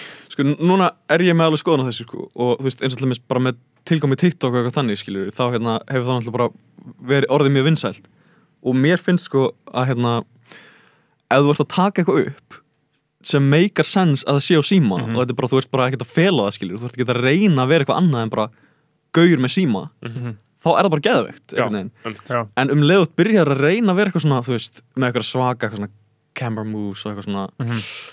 þú veist, síman í landscape skilur og eitthvað svona Mhm. að reyna að nota hann sem eitthvað svona kvikmyndavél þá verður það svolítið hérna, Ta- Takki takki, finnst mér. Já. en um leiðut bara eitthvað svona algjörlega heiðlega með það bara, Já, bara, ég er bara með síma, það er bara skilur. Bara Aron Móla með Nóasnappið já, það er bara fára, fára næs eitthvað. Já, Já, sko, einmitt, Og- það er kannski að maður verður að gangast við því að sími sé sími og hitt sé hitt. Já. Og, og, og þú veist, hitt er það sem hann lifir, skilur já, Síma shitið er bara here today, gone tomorrow, alltaf veist- e, í, bara í, í 99% tilvika já, og þetta TikTok sétti geð skemmtilegt en það mun aldrei eitthvað. Ein, eins og vorum að tala um með tónlistmyndbandin á hann, skilur þau eru ekki bara mikilvægt til að sína tónlistmann heldur bara sem skrásetningu Mhm. bara eftir tíu ár, þegar þú ætlar að tjekka á einhverjum, þá mannstu eftir tónlistmyndbandina, skilur Einmitt. það er, er alltaf hannig Þú ert að gera heimild á þætti eða eitthvað skilur um Já. svona gamalt dæmi, það er náttúrulega fáranlega verðmætt bara að vera með þetta Já. sko. Þa, það það einhvern veginn alvöru svona quality production sko. það Mhm. kosti mikið núna þú veist, hvað er, hvað er miljón núna eftir, eftir tíu ár skilur Já, að, Já algjörlega, en, en svo er einhvern veginn momentið þú veist, bara nútíminn hann tekur svo lítið tillit til þess sem já ég veit skilur kann síðan að verða saga eða ekki saga skilur, Mhm. nútíminn er svo skeitingalös gagvart skrá, eigin Já. skrásetningu Já. það er svo magnað þú veist, All, allir vilja like núna allir vilja og like views núna og, bara núna og myndböndin er í gangi bara núna það er verið að senda Já. það á milli þú veist, og screenshotan okkar, ég er búin að hugsa um það sko, screenshotin í fucking símanum ég er með 20.000 myndir í símanum ég Ég tek með aldrei, 40.000 ég, tek sko. aldrei til í þessu sko Nei, og ég, ég nenni ekki að taka til í þessu, ég nenni ekki að setja mig inn í þetta ég bara, Nei. þetta er bara, þú veist, það er bara allt morandi í Já. einhverju svona kjaftaði, Já. skilur, bara fyllast að ég þarf að kaupa meira pláss og iCloud bara á eitthvað Mhm. Úff, það er svo ömurlegt að þeirra að kaupa meira plassa iCloud Já. sko. Já, það er svo leiðileg viðskipti til þess að eiga þú veist, það sé ekki bara 20 dólarar eða eitthvað sem þarf að borga bara fyrir eitthvað smá pláss Já, þetta er Já. párið sko. ég var Já. bara til í drauma lífans dreik sko don't do iCloud, don't do email sko Já, einmitt það væri fullkomið sko Ég er svo mikið algjörlega að skrifa tölvupósta. Þú veist, bara tölvupóstar eru svo mikið hluta lífið minni já, já, já lí, líka á mér. Það Já. er bara ömulegt sko Elska tölupósta sko. Já, tölvupóstar er næs. Það er miklu betur en messenger. Já, en mér, mér er líka sko bara eins og þú veist, með eitthvað svona hérna uh, svona tónlistavídeó og eitthvað þannig, þú veist, sem ég var mjög mikið að gera sko, það er náttúrulega bara þetta er svipað á eitthvað svona, þú veist sé Instagram pæling og eitthvað þannig bara að gefa út eitthvað strax sko. Uh, náttúrulega, þetta er, þetta er eiginlega svona millivegur á milli eitthvað svona búa til einhverja kannski bíómynd sem lifir að eilífi skilur Mhm. og svona Instagramið Já, að gera eitthvað svona tónlistum sem þarf að vera til á tiltölulega fljóðum tíma Já. og gefið út einhvern veginn, þú veist, strax einhvern veginn og til dæmis þess er ég núna að reyna að komast í skóla og eitthvað þannig sko, bara til þess að sjá einhvern veginn stóru myndina frekar heldur en að einhvern veginn vera alltaf í, í þessum bransa sem er að dæla út shiti bara Mhm. eins fljótt og hægt er einhvern veginn sko. að vinna í einhverju fimm ár það er bara það er svo göfugt. já, það er sem hann er langar til þess að gera skilur já, já. Já, ég hugsa stundum með það til mér með fjölmjölunum bækur, skilur Já.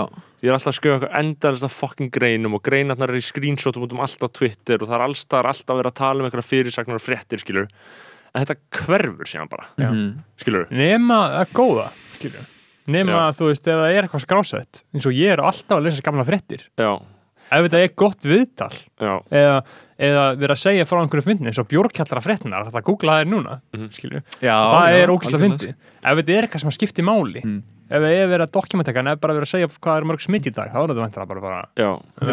En þú þarf náttúrulega svolítið að sapna í sarpin öllu að því þú veist ekkert hvað mun vera relevant Nei. náttúrulega í framtíðinni sem er náttúrulega ákveðin punktu líka. Varðveislan er, er, er creepy dæmi, sko En varðveisla gerist ekki af sjálfu sér, sko. Maður þarf að halda þetta um shitið sitt, sko. Við, við þurfum að fara með öll podcastin, alla þætti á þjóðskælsafnið Við verðum að fara með þetta, af sko. því að eins og er að gera sér mér með kraftmenningiljómin að bara, það er bara búið til líta þeir eru með þáttum. Já. og þeir eru ekki til. Ha? Bent, Sturla Atlas og skitturnar Ég held að það sé búið að gera störlega okkar þætti. Nei, ég tjekka á Já, það er bara búið til líta broti af Drake þarna. Þetta er bara Universal Music. Og í öllum þessum þáttum þá spila ég Kendrick eða Drake eða Weekend Nú er það málið. Já. þau bara copyright þetta og veist, Universal viðbjóðslega, ógeðslega fyrirtækið er bara með einhverja maskinu sem að bara gera þetta fyrir á Já, og ég bara hef ekkert um það að segja. Ég er að vinna núna að finna þetta einhverjum gjónum e-mailum eitthvað en það er líka WeTransfer skilur, Mhm. We fucking transfer skilur, sem að drefur allt og skemmir allt. Ég er náttúrulega bara að byrja á Dropbox sko og það Já. er bara, þú veist, ég var á, á Dropbox þegar það kom fyrst sko Mhm. en mér fannst það svo ömulegt að því að netið var svo ömulegt á þeim tíma. Já, og það var einhvern veginn svo lengi að einhvern veginn refreshast sko Já. en nú er ég bara með Ethernet í töluna Dropbox á bara öllum devices skiljur og þetta er bara þægilegast að dæmi allra tíma Já. að því sérstaklega fyrir mig sem er að vinna sko í skjölum sem að ég þarf að seifa sko Mhm. og ég vil bara segja bara við alla sem að er að vinna í þessum geira og bara þurfa að seifa eitthvað shit og lenda kannski í því að, að gera eitthvað seifa það og geta ekki farið aftur í gömlu, gömlu útgáfuna sko Mhm. þá er bara Dropbox bara einhvern veginn draumurinn fyrir þetta sko því þú getur alltaf Já. bara, hún seifar hverju einustu version af fælunum þínum Já, þannig þú ert í raun að fá miklu meira pláss heldur en að borga fyrir og getur bara farið aftur í tíman bara endalust Og, og hvað borgar mikið fyrir þetta? uh, hvað er ég að 50, borga? 100 dólar á mánu eða hvað þannig? eða? Nei, nei, Nei, nei, nei, nei, þetta er bara þú veist, fimm, 20, minna, 20 dólar Já. eitthvað, 15-20 Já. dólar sko. en, en, en síðan er það náttúrulega, er reyndur út að borga fyrir þetta en það er skára, en síðan hugsuðu menn þetta með MySpace, skilur bara 1985, Dóri D.N.A. og Danny Deluxe fyrir þeim árið 2007-2008 var bara að gefa út lag sitta á MySpace Mhm. þá var það komið Einmitt. og þess vegna er öll þeirra tónlist núna týnd inn á MySpace allt 1985, það er eitt lag á YouTube og restin á að vera á MySpace en þú getur ekki Helvitis ógeð það. eru þessi fyrirtæki að fucking búa bara til einhver uppfærslu bara, já, skemmum allt já. og bara, þú veist, líka bara hvað er að þessu fólki? Akkur hugsa það ekki? Mér, mér finnst sko versta í þessu sko með svona varvislu gagna okkur þannig er náttúrulega Instagram sko og það er fólk sem er byrjað bara að setja myndir á Instagram til þess að geima þær sko. Já, og þá er náttúrulega geimir myndirnar í hræðlum gæðum sko sérstaklega myndirnar sem að setja inn þegar Instagram var fyrst að byrja sko. Mhm. Og svo ætla fólk að fara að prenta þessar myndir og setja kannski í album eða eitthvað skilur já, og þetta er bara Instagram myndir. Einmitt, vonlaus gæði. Já, já, þetta Já. er bara svona og hvað þetta, einmitt, Facebook og Instagram drepaði allt. Já, já, já, algjörlega sko. Hann, hann, hann sagði einmitt tökumæðurinn Þór fyrir hérna spurningar, með Byrni og eitthvað, tala um hvað þetta setja á Facebook eða eitthvað. Hann sagði bara fyrir mig að horfa myndband sem ég skaut á Facebook er bara eins og rátt að berja mig. Það er bara- ég te- ég tengir þetta mjög mikið það. eins og sé bara við að kýla mig. Að það er rosalega umlegt sko. já, já, Já, algjörlega. En Eh, sko uh, Instagram, Gústi, þú sagðir á hann að þú var hættur á Twitter, það tók svo miklu orku frá þér. Og ég tengdi við það sem þú sagðir í beinunum uh, það sem að Twitter merg sígur allt það sem ég á. Ég líka bara hata sjálf mig á Twitter, veist, ég er að segja eitthvað shit skilur Mhm. og þú veist, þetta er bara svo fucking leiðilegt Já. ég horfði bara á þetta sem ég skrifaði bara, vá ég hata það já. Þetta- ég tengi á bara að vera að segja þetta í sundi sko, Já. það er engin annar staðir sko, sko uh, ég hugsa líka oft um þetta bara þú veist, þarna með uh, að því að líka bæði sko bæði í tengslu með Twitter og þessa skrásetningu þú veist, og bara þessi tilfinning að sjá eitthvað svona, bara, akkur er þetta bara eitthvað þarna skilur, geta bara allir séð bara það sem ég var eitthvað að segja, skilur sumi hlutir eiga hvorki að vera teknir upp eða skrifa niður. Þeir eiga bara að eiga sér stað í samtölum og þeir bara mega vera þar. Það er bara þannig sem bara samfélagið virkar. The old oral tradition. Tra- og bara munnleg geimt. Þetta heitir bara munnleg geimt. Þú veist, það er bara, það, það, viti, veist, það eru hlutir sem við vitum allir en þeir standa hvergi skrifaðir. Þú veist, og það er bara þannig sem samfélagið hefur alltaf verið það og þannig áður en við byrjuðum að skrásetja sitt skilur og mér líður eins og núna snúist allt um að koma hlutunum í skilur, Já, að festa algjörlega, í stæðan fyrir að lifa bara lífi skilur, eins og þú ert að reyna að gera, fara bara í sund og spjalla þar skilur, Já, og ég er, líka, ég er að finna fyrir því, sko, ég byrjaði að setja frekar núna eitthvað í story á Instagram í staðin fyrir að Já. sem er náttúrulega 100% verra sko.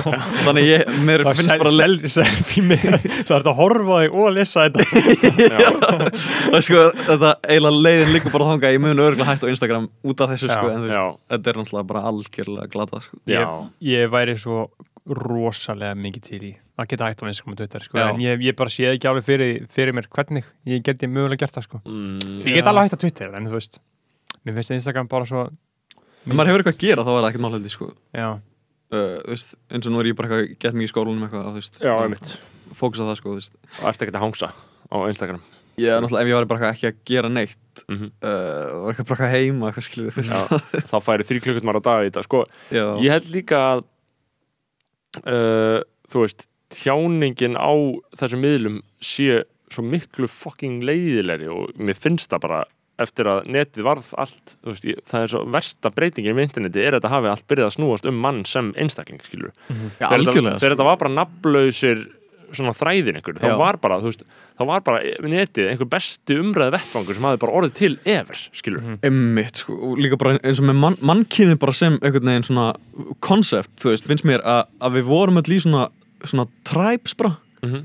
og, og það er talað um sko að, að fó- fólk getur eiginlega bara mynda svona hundrað sambönd einmitt, og það getur ekkert mynda fleiri sambönd sko Já. og einmitt þegar við erum orðin svona ógæslega mörg þá, þá verður það bara út í það að hver og einn er orðin sinn eigin einstaklingur að því að samfélagið er orðið of stórt veginn. Mhm.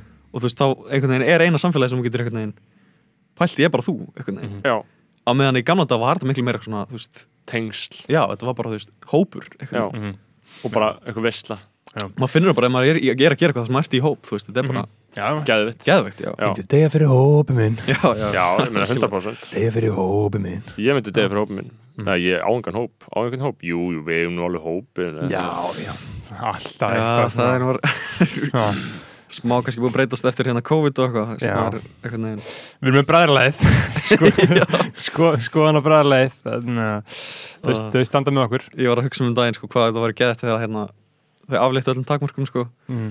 Og ég var að hlusta á, sko, lagi með Lil Uzi Vert, það sem hann segir hérna Now I do what I want, sko Já, og já, þetta var svo ógæst að Já. lýsandi ég var bara, Já. hvað ég er fucking til í Já. að gera það sem Já. ég vil já, já. og hitta marga og taka í spaðan á þeim Já, og vera mökk fullur Já. Mhm. 17 smitt greindist í gær 8 utan sótt hver Er það nýtt? að- mm Ok, það er ekki gott ég ákvað bara að tjekka á þess að þegar klukkan var ráðan 11 sko. Já, Já, uh, sko mér er alveg sama um allt ef Já. að sundur opið, sko já, já, Í, ég er alveg bara komin á hans stað, skilur maður er alltaf bara aumingi að maður er eitthvað að tala um það hérna, að maður vil djamma eitthvað, skilur þú veist já, það er allir búin að upp á því já, sko. já, já. ég, mér er alveg saman Ég að það er að ekki sem sko. er opið sko. Já. uh, af því ég bara fyrir minni líkamlega hilsu ekki fyrir að vera eitthvað flottur og ferskur og heitur en bara fyrir líkamlega hilsunum bara að halda líkamann já. svipað. Uh, sko, Gústi, þú tala um að þú ert að tjá þig á Instagram. endilega tölum um það uh, þín að pólitísku skoðanir, þín pólitíska uppvakning. Þú ert uh, Já. róttækur sósalisti. uh, já, veist, ég er náttúrulega bara þú veist já, já, Já. er ekki bara klassísk, klassísk vinstri gardína jú, jú, en mér erst líka sko, ég finn svo mikið fyrir því sko að ég hérna hef náttúrulega mikla skoðanir bara þessu og, eitthvað, og Já. veist, er svona með eitthvað að segja það skilur og, og það er allum svo sama skilur Já. og ég sé til dæmis ef ég set eitthvað svona bara um hvað mér finnst þetta umulegt skilur eitthvað, veist, eitthvað svona pólitíst Já. og síðan kannski ég er í fressa Instagram mitt og þá sé ég svona einn unfollower skilur og ég er alltaf svona bara já ok þetta er bara gott á mig eitthvað Já, Já. en, en samt, samt sem að finnst mér að fólk ætti að vera að tala um þetta þú Já, átt að- fokka á skilur hérna, auðvaldið Já. og þú veist, þú átt að vera meðvitað um það að þetta er umulegt skilur Mhm. og einhvern veginn að sagt þessu við það er bara eitthvað svona einhvern veginn, það er fokkin sorglegt. Já, ég, það er svo sorglegt þess að gera mér- allir sko já. Já. Mér, mér, mér finnst það verra svona valdelskandi vinstrimenn en bara natsjar, sko. svona eins og ég. Nei, ek, ekki, ekki endilega eins og þú. Þú ert ekki þar, sko. Ég, ég er að hugsa um, er- þetta er bara eitthvað ímynd sem þú heldur að þú sért. Snorri náttúrulega Já. spila sig eins og einhvern allt Já, annar mann en það er. og bara, bara, bara, bara eitthvað bull. Einn daginn þetta og einn daginn hitta sko. Ég er meira að tala um bara svona svona millivegin á viðrist og samfélkingu þú, þú vilt ekki valdelskandi liberalana já, liberal, lib, libbanir að því að libbarnir þeir trúa á að uh, einhvern veginn Þeir að þetta snúist allt um leiðræði já, og þau eru svona. mikið gaslætirar en sko, en mér finnst líka aðeinsvægt sem hún segir að, að fólk verður að, einmitt að stígu upp og tjá sig og segja bara því sem, þú veist, bara það sem finnst í Mhm. stæðan fyrir að allir fari í eitthvað svona þú veist, að það bara er rosalega mikið að gerast á okkar aldrei að bara fólk sem voru með mentskóla og þú veist, við vorum með mentskóla og það voru þetta bara ferskir og bara sögðu sirka það sem fannst eitthvað svona, en svo byrja bara svona atvinnulífsperspektífið að tikka inn og bara samfélagslega samfélagslega elementi og þú kem, kemst inn í eitthvað umhverju og þá bara svona fer að verða svona bara umhugsunar verðara fyrir þig að tjáði um hitt og þetta. Þannig að þá, svona, þá minkaru bara þig og fólk byrja bara svona að minka sig. algjörlega, og svo horfum maður að fóruldra sína skilur og þau eru bara, bara alveg bara komin miklu lengra sko, Já, en þú veist, fólk á okkar aldrei og fólk, það, þau, þau, þau eru flest bara farin að halda bara kæfti Já, bara, já, bara alveg. alveg, Já. skilur bara vegna vinnuna sína, Já. bara vegna hagsmuna. Og, og það er mjög skiljanlegt. En Já. það sem, þú veist, það er að segja sko á, svona, á þessu persónulega stíði það er mjög skiljanlegt að fólk gera það. En svona á samfélagslega stíðinu, þá er mjög eftir svona verðt, ef við reynum að miða samfélaginu meira í þá átt að uh, hafi ekki allar svona bælda, skilur og bara tjá sig meira, skilur og, og sömulegis líka að vinda svolítið ofan að þessari baráttu sem, sem þarna, ákveðin öfl hafa barist gegn því að bara almennt, að almennri pólitískri þáttöku, það er alltaf verið að tala hana niður skilur, mm, Já, já.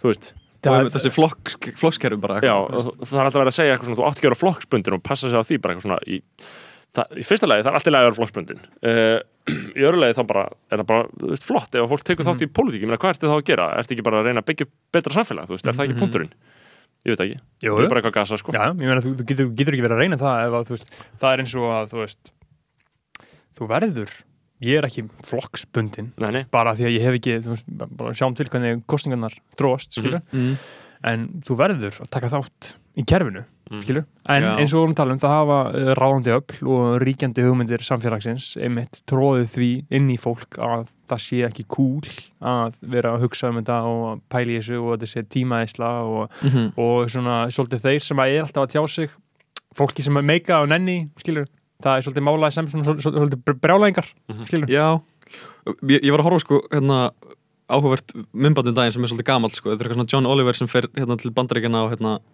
og er að tala við eitthvað svona gun advocate skiluru Mhm. bara stjórnmálamann þar skiluru og, og svo hann, fer hann líka til Ástralíu og er eitthvað svona að bera það saman skiluru og þetta er náttúrulega bara algjört eitthvað svona grín eitthvað svona dæmið þú veist og típist eitthvað svona bandaríst shit uh, en, en það er samt svo gott í þessu hann spyrir það báða sko hvað er það mikilvægast að eða hvað, hvað, hvað gerir góðan stjórnmálamann sko Mhm. og gaurinn í bandaríski gæðin segir bara eitthvað að vera kosin aftur skilur, að getting re-elected skilur Já. og hérna og, og uh, ástralski gæðin segir bara að- að að breyta heiminu til betra skilur já, einmitt og þetta er, þetta er svo mikið svona Já, þetta, þetta er svo svart og hvít hvað, hvernig það ávera og hvernig það ekki vera skilur 100%. þú veist. Mhm. uh, og þetta snýst auðvitað óhjákamilega og maður sér það núna þú veist þegar maður er svona eitthvað að leifa þessum öllum þessum prófkjörstíðundum að svona ráðast á sig skilur, þú veist þetta er svona ræðist á mann bara Mhm. uh, og, og maður þarf einhvern veginn að meðtaka þetta allt Mhm. uh, þá sér maður líka hvað pólitík snýst gríðarlega mikið um bara já, já, að koma sér í rétta sætið Mhm. Og raða listana og bara, fólk er bara að skara elda eigin köku, fólk vill bara drullast inn á þing skilur, þetta er bara Já. atvinnumiðlun Já, skilur tvær miljonar mánu og sorry, það sem, sem kom ekki fram samt áðan með hérna, uh, ástralska gæðin var að hann hérna uh, var, þú veist, ratthökkaður úr flokk, flokknum sínum að því hann var hérna konservativ og uh, gerði það verkum að, að þú veist, byssu voru bannaði skilur Já, einmitt, og þannig hann í rauninni bara fór- fórnaði stjórnmálaferðinu sínum fyrir það sko. já, einmitt. Já, 100% Já, og, og, og síðan er þetta líka náttúrulega að, þú veist, ef þú ætlar að tala um svona, það, það er alltaf að vera svo neikvægt, það, það, en, en, en það, það, það er bara sannleikurinn, skilur Já. um leiðu þú ert búin að rettpilla þig, skilur um leiðu þú ert búin að taka rauðu konsertapilluna sem að dælir í þig alltaf meira og meira hvað allt er ógæslegt Þetta er svo góð samlíking sko, þá, uh, þá bara einhvern veginn er ekkert, er ekkert aftur snúið sko. En líka, en, en sko- má- málið er af hverju fólk tekur ekki þátt í þessu út af því að þú veist það er bara svolítið þannig að einfaldir eru sælir Já. Mhm. þú ert að horfa á áhrifvaldana þú ert að horfa á Netflix skilur þú ert bara að uh, rétt svo fylgjast, já þarna, sjálfstæðsflokkurinn þetta Mm. þetta, þetta, þetta ré- rétt svo að hugsa út í svona valdastruktúr samfélagsins, þá er svona- alveg saman ég held að interneti sé að eðalikja svolítið mjög mikið fyrir hærinu sko. ég bara hef verið að sjá það undanfarið að ég er á Twitter og uh, auðvitað inn, í- inn í mínum algoritma en ég fæ bara eitthvað tweet og það eru bara 700.000 like Mhm. bara þetta er bara gjörsamlega viral tweet sem eru bara eitthvað sendi landlordinu mín þetta já, en heldur að þau sé ekki bara þinn algoritmi eða?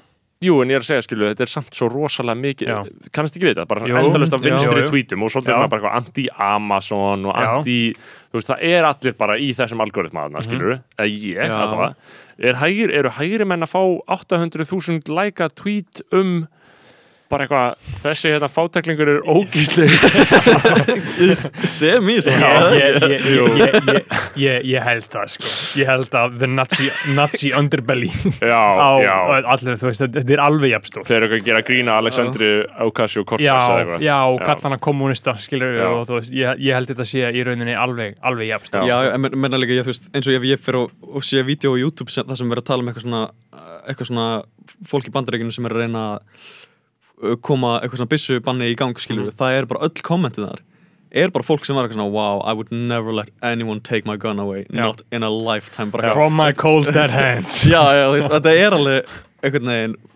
fólk er allstaðar með, með, á mismunandi Já. pólum einhvern veginn, Já. Já, og það, þau hægrið kannalega, hægrið er náttúrulega betra í að já, Já. Veist, allir þessir youtuberar, þeir mobilisa bara eitthvað, eitthvað svona he- heri skilur, til þess að kommenta og eða líka eitthvað myndbönd já, já, internetið er svo ógeðslegt fyrir bara Er eins og með Ísland samt, til dæmis uh, maður er búin að svona, þú veist, sjá svona einhvern veginn fylgjilega með sjálfstæðsflokksins bara vera að dala einhvern veginn í Já. bara gegnum árum bara þú veist, á mjög mörgum árum sko. Mhm.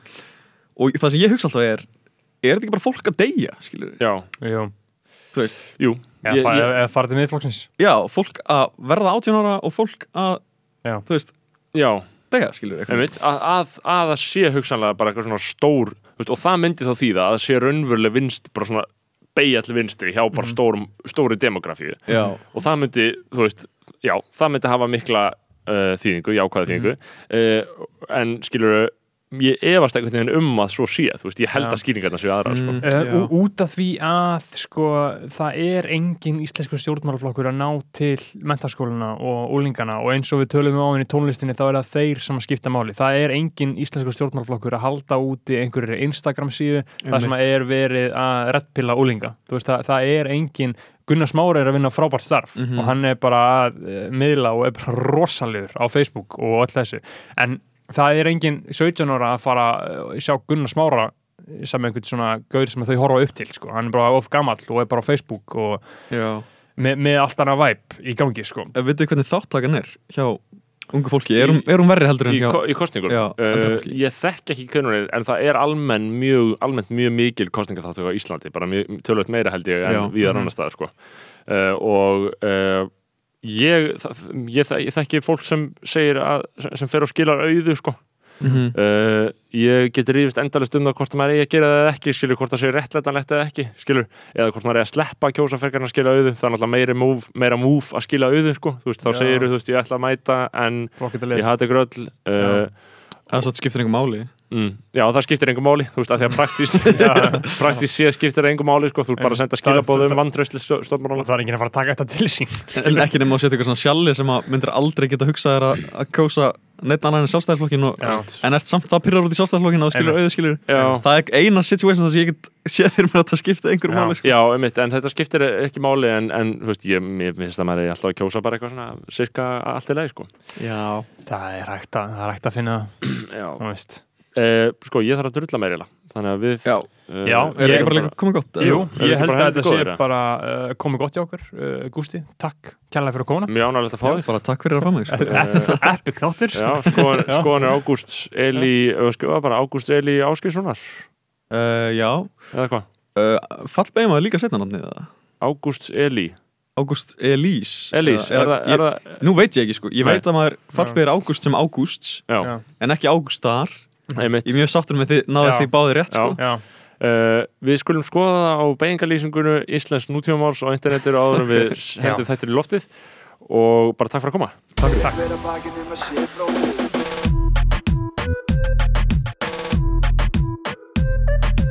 Fyrir hver að bakið um að sé bróðir eigi